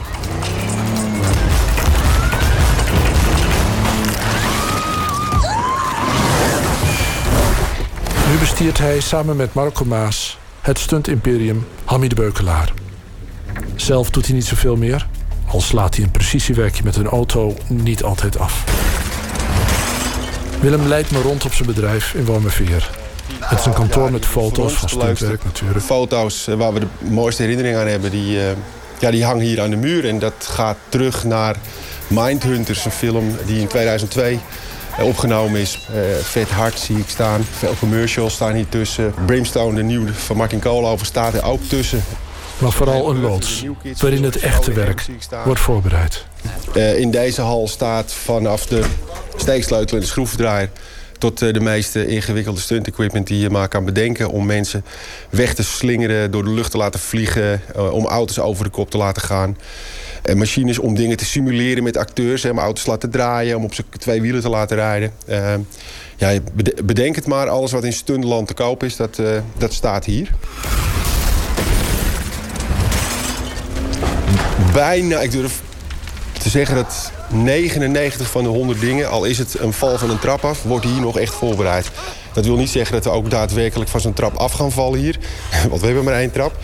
Maar ehm, daar wordt wel echt even een, daar wordt een plan voor gemaakt. Van oké, wat is de scène? Waar begint het? Waar, waar eindigt het? Kan je matten wel neerleggen? Kan je matten niet neerleggen? Kan je, je, ja, je moet bescherming dragen. Hoe zit dat allemaal in elkaar? Simpel. Eh, wat Brian nu daar op de grond aan neerleggen is... dat is een nieuw systeem om mensen door de lucht heen te laten vliegen. Dit is het oude systeem. Je wijst omhoog en dat is een... Ja, Rails. Een rails langs het plafond. Klopt, rails langs het plafond. En het is zo gemaakt dat je een, een driedimensionale beweging kan maken. Je kan van links naar rechts, je kan omhoog naar beneden... en je kan eh, salto's maken. En daar hang je aan? Daar hang je dan aan als, eh, als mens of als materiaal. Je ziet ook wel eens eh, in een scène, weet ik veel... science fiction film of, of horror... dat in één keer een stoel begint te vliegen. Of, nou ja, dat, dat hangt allemaal in dit soort systeem. Ik had eigenlijk leefde in de veronderstelling dat dat tegenwoordig eigenlijk allemaal in een computer gebeurt en niet meer in het echt. Ja, in Engeland en Amerika wel. Hier moeten we daar nog een klein beetje mee eh, marchanderen, zal ik maar zeggen. tuurlijk, tuurlijk gebeurt dat, maar niet, eh, maar niet altijd. Om deze op een spectaculaire en veilige manier uit te voeren... wordt stuntcoördinator Willem de Beukelaar ingeschakeld. Er gaan hier eh, mensen voorbij rennen, alle ramen die eh, knallen eruit. En er gaan hier eh, auto's aanslippen en wegslippen. En er rijdt daar een auto een deur eruit. Er springen allemaal mensen weg. Nou, dan is het wel zes uur, denk ik. Als het budget daarvoor toereikend is, is er altijd een trucje voor om het veilig te doen. Je wil je zeggen dat alles kan? Alles kan. Dat is jouw mantra, maar je moet het dan wel mogelijk maken. Zeker, maar dat heb, eh, dat heb echt met... eh, kan je je eh, veiligheid inkopen? Daar gaat het over. En, en heeft een productie genoeg geld om dat ook voor elkaar te krijgen? En het heeft niets te maken met eh, dat wij hele exorbitante salarissen hebben. Helemaal niet, want onze dagprijzen zijn al 15 jaar hetzelfde, bij wijze van spreken. Maar soms moet je, moet je eh, elementen toevoegen om iets voor elkaar te krijgen. Maar kan je daar een goed voorbeeld van geven? Superman moet in een weiland eh, 25 meter ver vliegen van links naar rechts. Ja, ja, daar heb je twee hijskranen en twee hoogwerkers voor nodig. Anders krijg je dat niet voor elkaar. Het is gewoon onmogelijk. Maar ja, goed, zo'n zo'n hijskraan kost natuurlijk per uur geld. Eh, een hoogwerker kost per dagdeel geld. Nou ja, als je dan bijvoorbeeld iets hebt dat mensen zeggen van... ja, daar hebben we het budget niet voor om dat te doen. Ja, dan moet je wat anders bedenken. En dan komt Superman voor een groen doekje te staan. En dan hangen we hem hier aan dat ding stil. En dan maakt de camera een beweging. En dan heb je hetzelfde. Ik denk dat dat wel een goed voorbeeld is. Kan je herinneren je eerste keer dat je zelf de stunt deed? En wat dat was? Ja, zeker wel. Wat was dat? Ik was toen een jaar of 14. Toen was ik... eh eh, deed een ding voor Eimert Kruithof. Dat is een goede vriend van hem. Dat is een regisseur van de VARA, 100 jaar geleden. NCRV, ik weet niet eens meer. Eh, en daar was een jongetje van 14 die pikte iets in een winkel... en die werd opgepakt door een politieagent in dat geval. En die hadden een schermutseling, vechten, dingen, toestanden. Dat was de eerste keer. Maar voor mij, dat ik voor mezelf dacht van ja, dit moet ik gaan doen... Toen was ik inmiddels alweer een jaar of twintig. Ehm, eh, er was een stunt van een motorrijd tegen een auto aan. En dat ging mis de eerste keer. En die stuntman blesseerde zich daarbij. We hebben het nu echt over eh, lang geleden. 74, begin 70 jaren. En ik, ik was daarna aan het kijken. En toen was terugkijken, dat, dat was er bijna niet. Dus, dus je kijkt er echt fysiek naar. En ik kon precies herleiden wat daar was misgegaan. Dus ik met mijn vader het erover gehad. Ik zeg, ik denk dit, dit en dit. En toen zei hij, nou, daar heb je gelijk in. Eh, kan je het? Ik zeg, ja, ik kan het. En toen heb ik het gedaan. Eh, en toen ging het in één keer goed. En, en toen was het klaar. Wat ging er verkeerd, wat kon jij wel? Dat had, nou, dat, dat eh, de, de timing en de afstand van de auto en de, de botsing... je moet natuurlijk van je... als je met een motor... dit een auto is en dit is de motor... het moment van impact... ik zou bijna zeggen 20 centimeter daarvoor... moet je loskomen van je motor. En daar liggen natuurlijk allemaal matten achter en dingen... want je kunt natuurlijk niet op straat vallen met zulke snelheden. Ehm, ja, als je dat niet goed timed... en die auto rijdt ook nog eens in... dat is echt een split second waar je eh, weg moet zijn van je voertuig... Ja, en die, eh, die dude die dat toen deed, ja, die, die, had hem, die had hem gewoon net even te laat. Die heeft zijn eigen eerst echt bezeerd. Was hij bang, denk je? Eh, nou, ik denk misschien wel toch niet... voor die tijd niet goed genoeg voorbereid.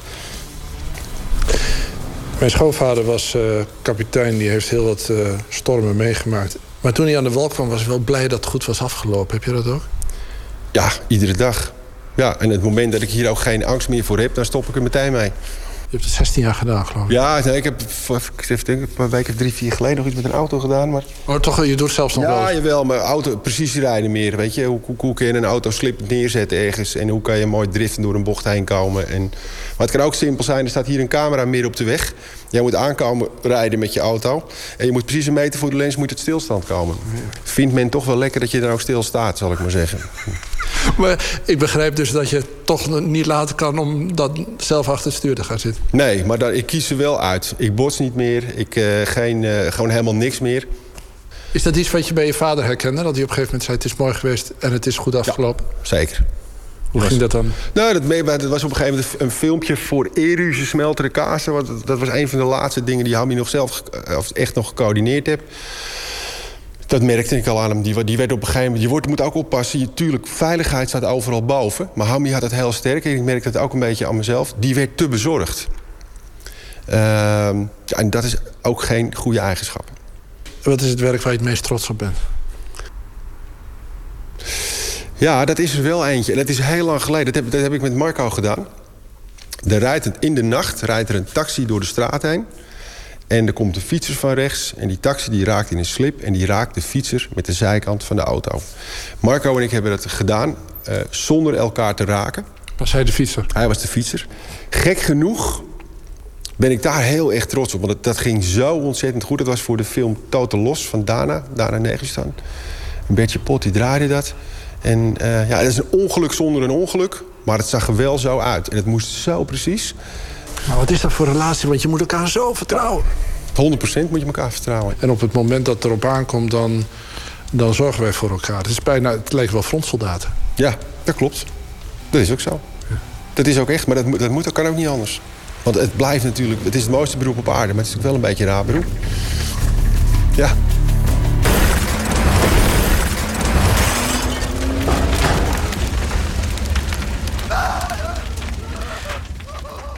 Matthijs Deen ging op bezoek bij Willem de Beukelaar van het eh 50 jaar oude stuntbedrijf Hammy de Beukelaar. En op het filmfestival dan eh, zullen ze een demonstratie geven. Het meest prominente stuntteam van Nederland.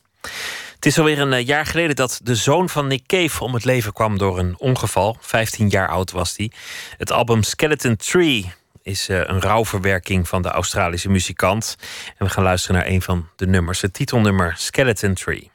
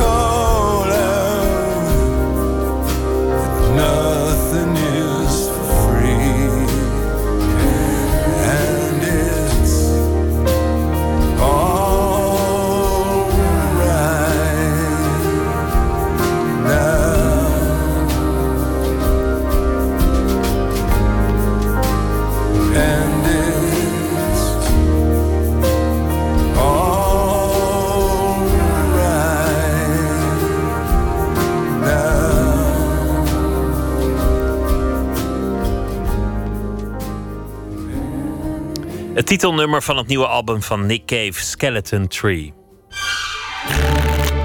Open kaart. In de rubriek Open Kaart bespreken we aan de hand van 150 vragen het werk en leven van de gast. En dat doen we met schrijfster, historica, journaliste Daniela Hooghiemstra. Is vooral bekend vanwege boeken en artikelen over het Nederlands Koningshuis. Maar ze heeft nu een roman geschreven, haar debuut. En de titel daarvan is Wat echt is.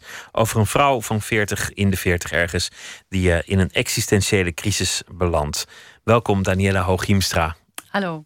Je hebt eh, vaker geschreven over de elite, over het hof. Maar dit is een heel andere elite. Maar toch gaat het wel degelijk over een eh, voorberechte klasse. Welke groep gaat het over? Hoe zou je die zelf omschrijven? Ehm, ja, ik denk een beetje het, ehm, het grootstedelijke eh, Amsterdamse eh upper class eh, milieu. Ehm, maar dat is toch iets heel anders dan de, de, zeg maar de hogere kringen die ik heb beschreven samen met Roen Hermans in de, meer in de hofsfeer. Dat is meer het Haagse. Dus dit is meer het, het Amsterdamse, is toch een beetje een ander milieu. Het is wat hipper, wat meer, eh, ja, wat, wat sneller. eh, Je, je zou het grachtengordel kunnen noemen. Je zou Ja. het eh, de, de bakfietsmoeders kunnen noemen. Amsterdam-Zuid desnoods. Een belangrijk deel van het boek speelt zich af rond een school. De Droom wordt die ook genoemd. Mhm. En dat- dat is eigenlijk veel meer dan alleen maar een onderwijsinstituut. Wat is het voor, voor plek? Ja, nou dat is iets wat ik ehm, ehm, ook wel zelf heb, een beetje heb, heb meegemaakt. Ehm, en ik denk dat heel veel mensen dat wel zullen herkennen. Dat die school eh, natuurlijk een plek is waar kinderen onderwijs krijgen, maar toch ook vooral een soort ontmoetingsplek voor ouders. Langs de rand van het schoolplein, daar gebeurt veel meer dan alleen de kinderen op en afhalen. Ja, het is een soort sociaal epicentrum eh, voor een bepaalde groep vaak. Hè, want de scholen eh, in Amsterdam die werken met postcodegebieden. Dus dan krijg je al snel dat je toch eh, eh, in bepaalde postcodes ook een bepaalde eh, sociale groep hebt. En nou ja, in de wat, wat, wat rijkere postcodegebieden zit dus een concentratie van, van ja, allemaal hele hippe, snelle mensen met grote Range Rovers. En inderdaad natuurlijk de bakfiets. En als je zonder huis komt te zitten door een echtscheiding, dan moet je dat aan het schoolplein regelen. Want er is iemand die heeft pandjes in de stad. Er is een ander die heeft eh, toegang tot de advocatuur. En zo kun je voor alles wat regelen langs de oever van het schoolplein. Maar wat als je kind wegens achterblijvende leerprestaties naar een ander instituut wordt doorverwezen, dan stort het leven al aardig in. Daar begint het pas. De hoofdpersoon die, die krijgt steeds meer twijfel en weet uiteindelijk helemaal niet meer wie ze is. Ze- raakt verloren. Hoe ontstond dat idee? Ja, nou, er, zitten meerdere ideeën, denk ik, in dit boek. Eh, ehm, ik vond het heel erg leuk om een, een zedenschets te maken van, van dit milieu. Eh, dat vond ik gewoon leuk, vond ik gewoon lekker om te doen. Ehm, Ken je het milieu? Ik, ja, ik, ik ken het milieu wel, ja. ja.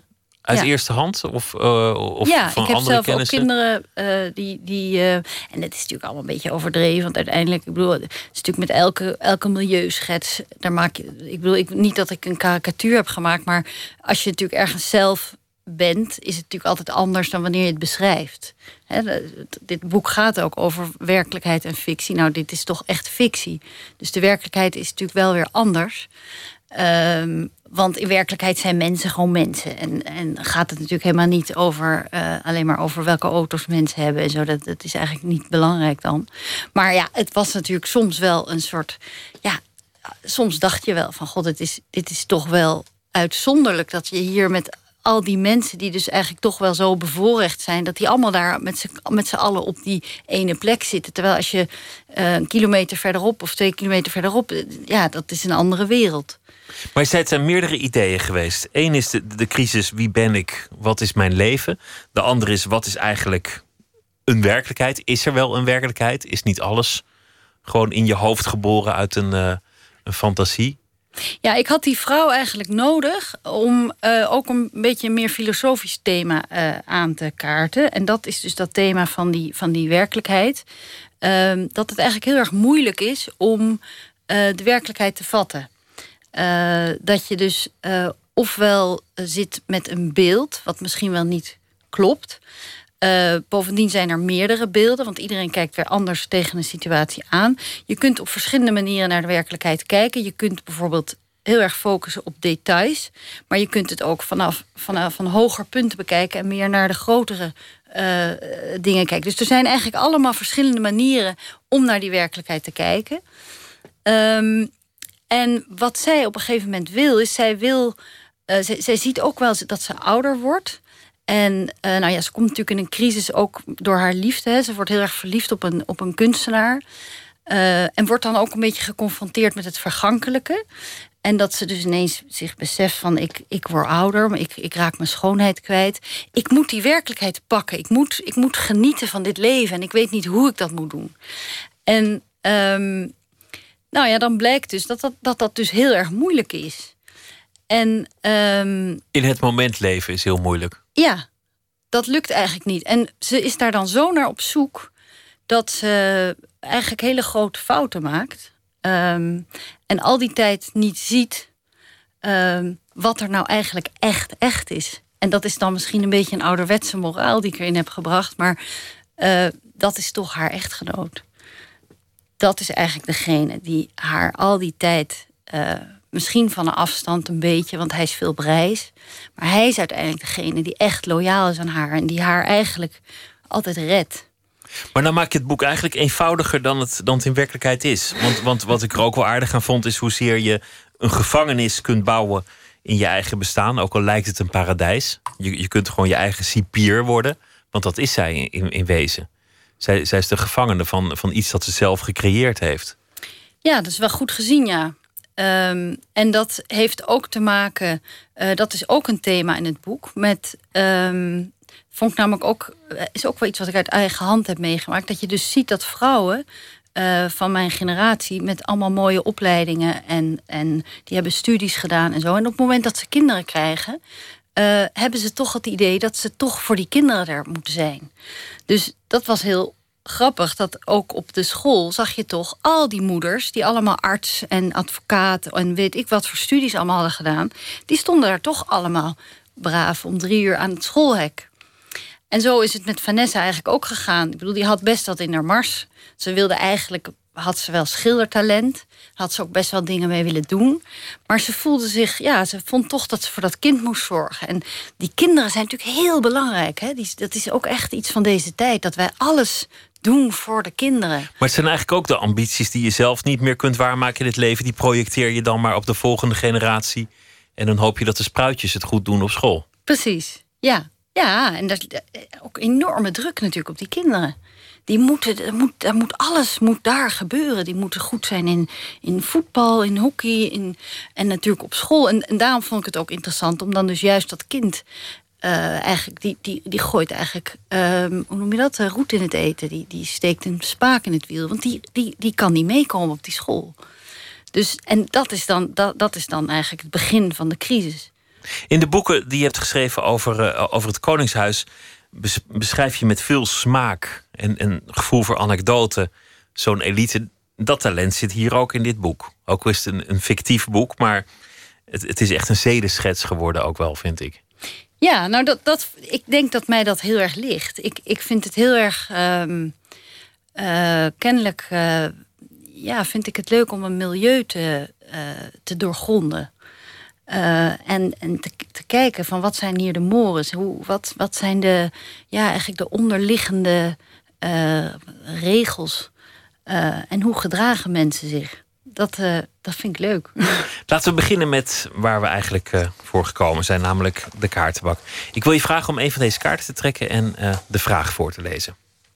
Gewoon maar eentje, hè? Ja. Maakt niet uit. Oké. Aha. Geloof je in God? Nou, ja, heel simpel. Nee. helemaal niet. Nee. En ook niet iets vaags van, van een, een opperwezen of iets dat goed is, of een harmonie in het heelal, of iets dat groter is dan mijzelf. Mm, nee. Tenminste, ik geloof wel heel erg in het leven. En ik geloof ook eh, dat, dat, daar hele, dat dat heel bijzonder is. En, en ik, ik blijf ook nieuwsgierig naar hoe dat allemaal in elkaar zit. Ik heb ook het idee dat, dat er nog een heleboel is waar ik, waar ik wat dat betreft achter wil komen. En ik heb ook nog bijna dagelijks dat ik, dat ik weer nieuwe dingen zie. En eh, dus in die zin geloof ik wel in een soort universum wat heel interessant en gelaagd en, en, en, eh, en boeiend is. Maar niet een opperwezen. Maar niet in een opperwezen. En ik, ik heb. ehm, ik had dat al nooit. Maar ik heb. eh, mijn vader is overleden toen ik eh, 22 was. En toen heb ik hem gezien. Toen hij dus dood was. En toen heb ik ook echt gezien van. Nu weet ik het echt zeker. Er is helemaal niets. Ben je opgevoed vanuit een, een, een stroming of ideaal? Ehm, nou, in ieder geval niet eh, in een religie. We waren echt. eh, mijn vader was ook echt een, een, een atheïst. Ehm, maar wel, ehm, ja, ik denk wel een, eh, een soort, ja, hoe moet je dat, hoe moet je dat noemen? Eh, een beetje een soort humanistische, eh, liberale eh, levenshouding, denk ik. Een beetje Kees Boekenschoolachtige Ja. omgeving. Ja, ja. Net als het Koningshuis, hoewel die officieel natuurlijk wel gelovig zijn. Laten we nog een Ja. kaart proberen. Ehm, wat is je favoriete personage uit boeken, films, theater? Ehm, even kijken. Favoriet personage. Mm, ja, de eerste die mij nu even te binnen schiet... is denk ik dan toch wel Madame Bovary. Ehm, uit de roman van eh, Flaubert. Ehm, ik heb in mijn roman natuurlijk ook een, een vrouw genomen. Ik heb wel iets met, met, met een beetje eh, lethargische vrouwen. Maar je hebt een, een omgekeerde Bovary geschreven.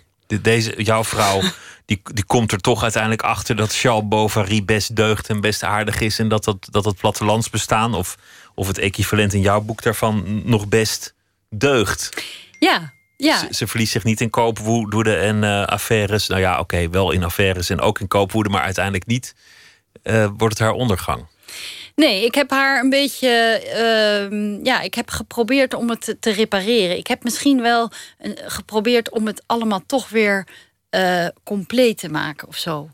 Eh, zo van, er is wel, de, de liefde bestaat wel. Eh, de enige echte liefde. Dat, daar had ik kennelijk behoefte aan. Om dat op die manier af te laten lopen. Terwijl ik tegelijkertijd ook heel erg houd van juist het romantische. Eh, van dat je hunkert naar iets wat, wat helaas niet bestaat. Eh, dus dat is een beetje ambivalent misschien. Flaubert schreef vanuit een afkeer naar dat burgerlijke milieu. Hij, hij walgde daarvan en daarom wilde hij zijn boeken schrijven om te laten zien hoe, hoe erg het was in zijn ogen. Speelt dat bij jou ook? Nou, daar zit misschien ook ambivalentie wat mij betreft. Dat ik dus dit, ik beschrijf dit milieu, eh, terwijl ik er misschien zelf ook wel een beetje in zit. Eh, en ik, ik eh, laat een beetje zien van, ja, je zou bijna kunnen zeggen hoe erg het is. maar dat meen ik misschien ook weer niet helemaal. Dus ik, misschien is dat wel tekenend voor mij, dat ik eigenlijk altijd een beetje ambivalent ben. Maar ehm, dat maakt me misschien ook wel weer een goede toeschouwer, omdat ik ook altijd een heel klein beetje onderdeel ben. Flaubert was ook niet echt van adel of van de hogere klasse. Die, eh, die spuugde erop omdat hij ook wel wist waar hij thuis hoorde. Zullen, we- zullen we nog één kaart doen? Ja. Praat je wel eens hardop als er niemand is? Ja, ik schaam me er een beetje voor, maar het is wel zo. Wanneer? Ja. Ehm, ik ben heel vaak, eh, nou ja, heel vaak. Maar eh, ik, zit, ik zit wel vaak eh, dingen die ik bedenk, zit ik dan hardop te zeggen.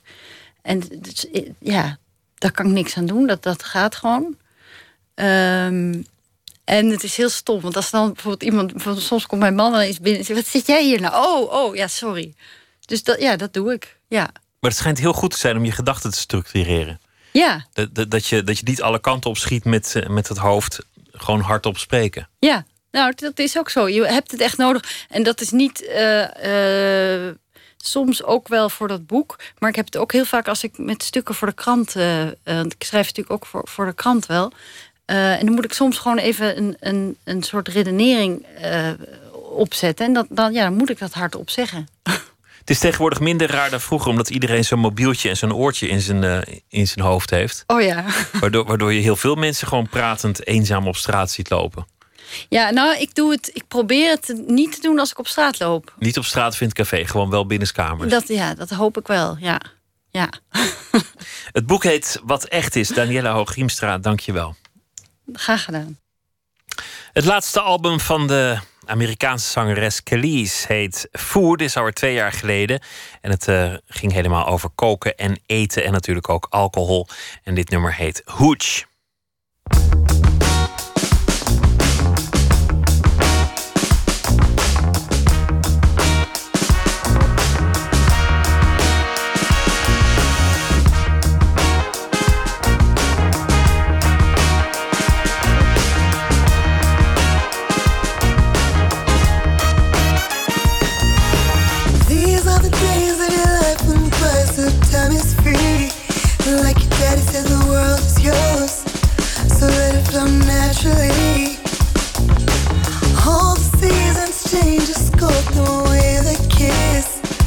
You welcome all life's tricks.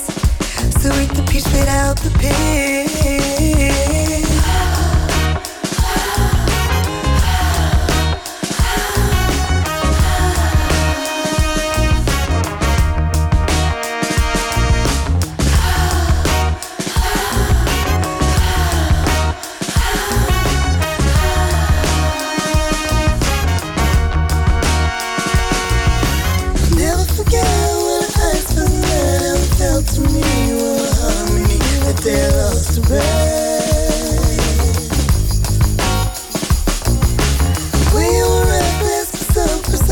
Baby joy is the one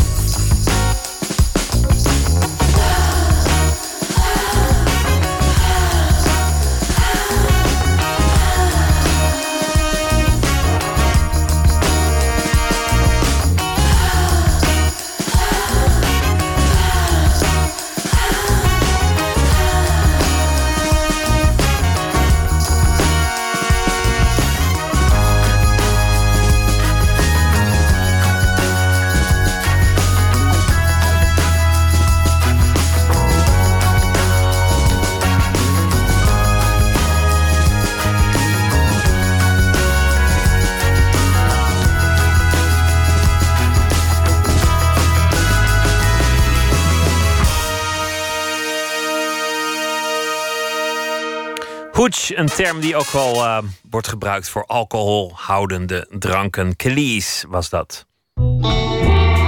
Nooit meer slapen. Deze week in Utrecht begint het Nederlands Filmfestival. En tijdens dat festival gaan niet alleen een aantal grote nieuwe Nederlandse films in première. Er is ook aandacht voor andere facetten van het medium film. Deze week een aantal programmadelen uitgelicht. Comedian Howard Kompro die presenteert een talkshow over de Nederlandse komedie.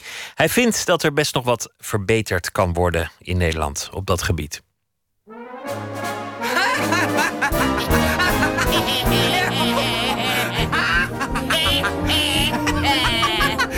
Met dat lachen. Is met dat lachen. Comedy is echt een ander ding. Dat is echt een vak apart. Ik lig werkelijk in een duim. Nou, wat ik een goede ontwikkeling vind, is ehm, films die gemaakt worden, onder andere door de gebroeders Haars, Stefan en Tim. Die, eh, wat, wat zij heel goed doen namelijk, is dat zij in het maakproces van de film ook echt comedians betrekken. Wie eh, zijn hier verantwoordelijk voor? Een aantal mannen uit Maaskant. Bom erop, toch? Die zetten ook comedians in de cast. Dus de rollen in een komische film worden gespeeld door komische mensen. En zo hoort het volgens mij. Ik ken bijvoorbeeld, om een naam te noemen, Tigo Gernand, ken ik al heel lang. Eh, We kennen elkaar goed. Het is een hele lieve gozer en een hele goede acteur. Maar het is geen komische acteur. Maar iemand als Ruben van der Meer is dat wel. Die is acteur, maar is veel verder ingevoerd in de dynamiek en de energie van comedy. Dus dan zie je dat een film als Plan C veel beter uit de verf komt, omdat hij en Tom Kas daar belangrijke aandelen in leveren. Oude moet je zeker doen. Nee, eh, Ronald, luister. Ik vind niet dat je... Jij moet nou heel erg met mij gaan uitkijken. Dan kan ik ook, hè, wat jij doet. Nou ja, kijk, eh, je kan zeggen iedereen is kok. Maar iemand die eh, in, een, in een visrestaurant werkt... die moet je dus niet uitnodigen als je kip gaat barbecuen. Want zijn expertise ligt anders. Terwijl het zijn allemaal koks. Met alle respect. Nou, hetzelfde geldt met acteurs. Dus, dus, je kan gewoon een geweldig acteur zijn. En ik zeg ook niet dat je niet komisch kan spelen. Maar de dynamiek die een comedian aanlevert... op welke plek in het maakproces dan ook... levert iets, iets extra's. En dat, en dat gebeurt te weinig.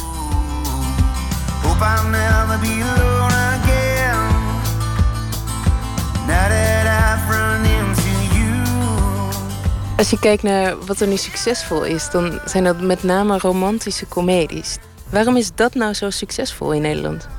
Eh, ik denk dat het met een aantal simpele dingen te maken heeft. Punt 1, dat je richt je in eerste instantie op de grootste groep bezoekers. En dat blijft vrouwen. Dus je gaat gewoon maken waarvan je zeker weet dat zij, dat zij komen. Die, die gaan met hele zwermen vriendinnen van 10, 12 tegelijk naar de bioscoop. Jongens zie je dat niet zo snel doen. Dat is één reden. Twee, het is een populair Amerikaans product. Dus dan vinden we het interessant om dat na te doen of onze eigen draai eraan te geven. En drie, omdat je gewoon gegarandeerd bent van succes. Dus moet het wel grappig zijn. Nou, ik weet niet of, of, of het succes is dat het grappig is.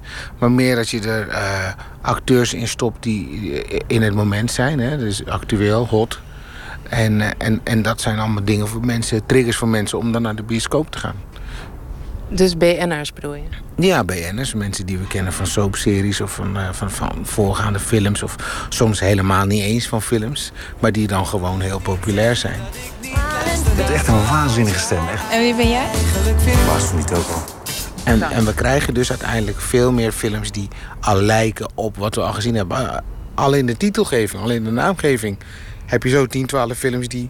Ja, alles is dit, alles is dat, alles is zus, alles is zo. Ja, oké, nou ja, prima. Maar, maar dat is dus wel een soort herhaling van zetten. En, eh, en dat vind ik wel jammer. Dank, maar nee. Een goede openingszin is van cruciaal belang. Comedy is gewoon ehm, iets wat, wat vaak gezien wordt van ja joh, als het maar leuk is of grappig is. Maar als je echt iets wil zeggen ermee, dan moet je gewoon dieper gaan. En dan heeft het, dan heeft het gelaagdheid nodig. En ik zeg niet dat iemand die scenario schrijven heeft gestudeerd dat niet kan. Alleen je, je zit niet op grappen maken. En een comedian wel.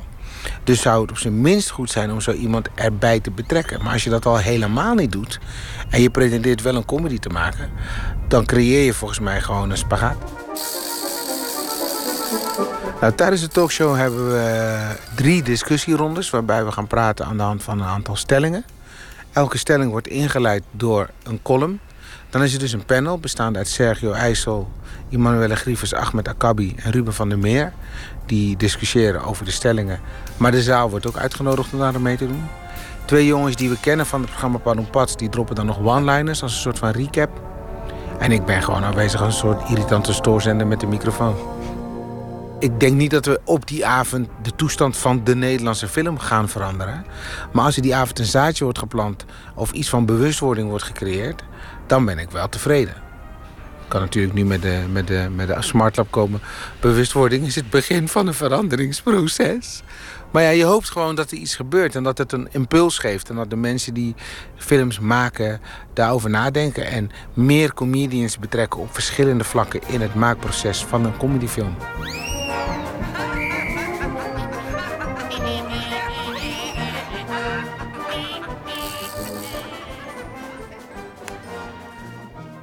De talkshow Let's Talk Comedy is op 25 september tijdens het Nederlands Filmfestival in Utrecht en wordt gepresenteerd door Howard Komproe. Een bijdrage was dit van Emmy Colau.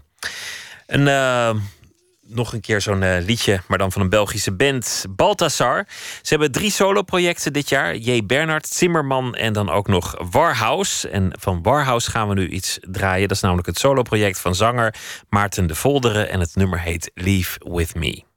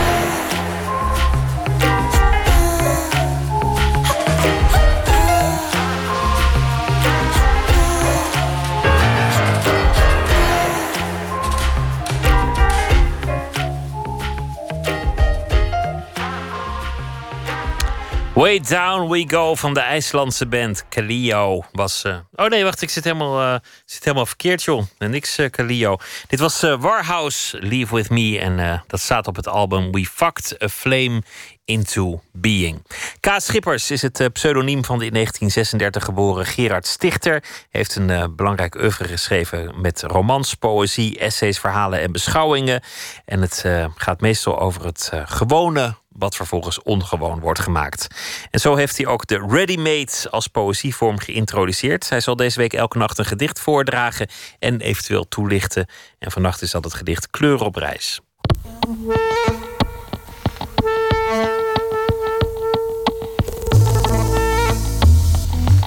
Kleur op reis. Schilder bruin altijd een paar tinten lichter dan het gewenste bruin. Het wordt donkerder bij het droge. Picturaal voorrichten als bij het schieten op een tank. Wel rekening houden met de snelheid. Maar wat bedoel je als je zegt de verf droogt snel? Komt er toch iets vooruit, al wordt er niets verplaatst? Kan kleur zonder zichtbare beweging vaart hebben? Een kleur met tempo? Een schilderij dat droogt in een rijdende auto.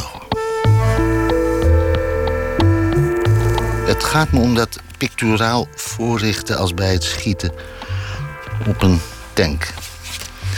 Ik zat toen in militaire dienst als soldaat en bediende een kanon dat heette de terugstootloze vuurmond.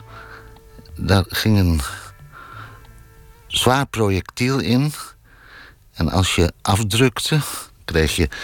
Er werd door twee soldaten bediend. Kreeg je een klopje op je schouder en je drukte een knop in. En dan werd het projectiel er zo'n 100 meter verderop uitgeworpen. En het bedoeling was een tank te raken. Nou zouden beginners. Die zouden dan. als de tank voor de loop is schieten. maar je moest schieten als de tank nog niet voor de loop was. Ik zal het gedicht nu nog een keer lezen.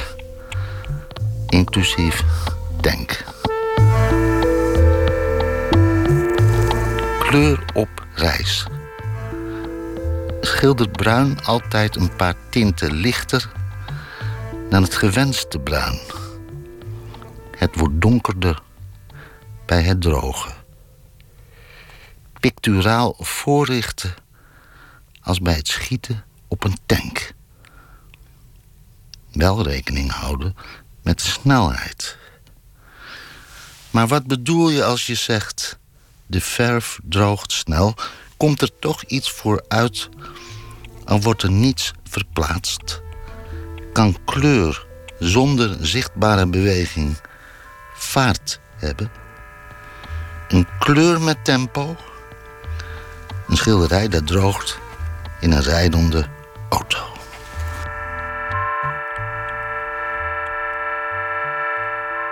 Kleur op reis, een gedicht van Kaas Schippers. Dit was Nooit meer slapen. Morgen dan zijn we er weer. Dan is regisseur Pieter Kuipers de gast.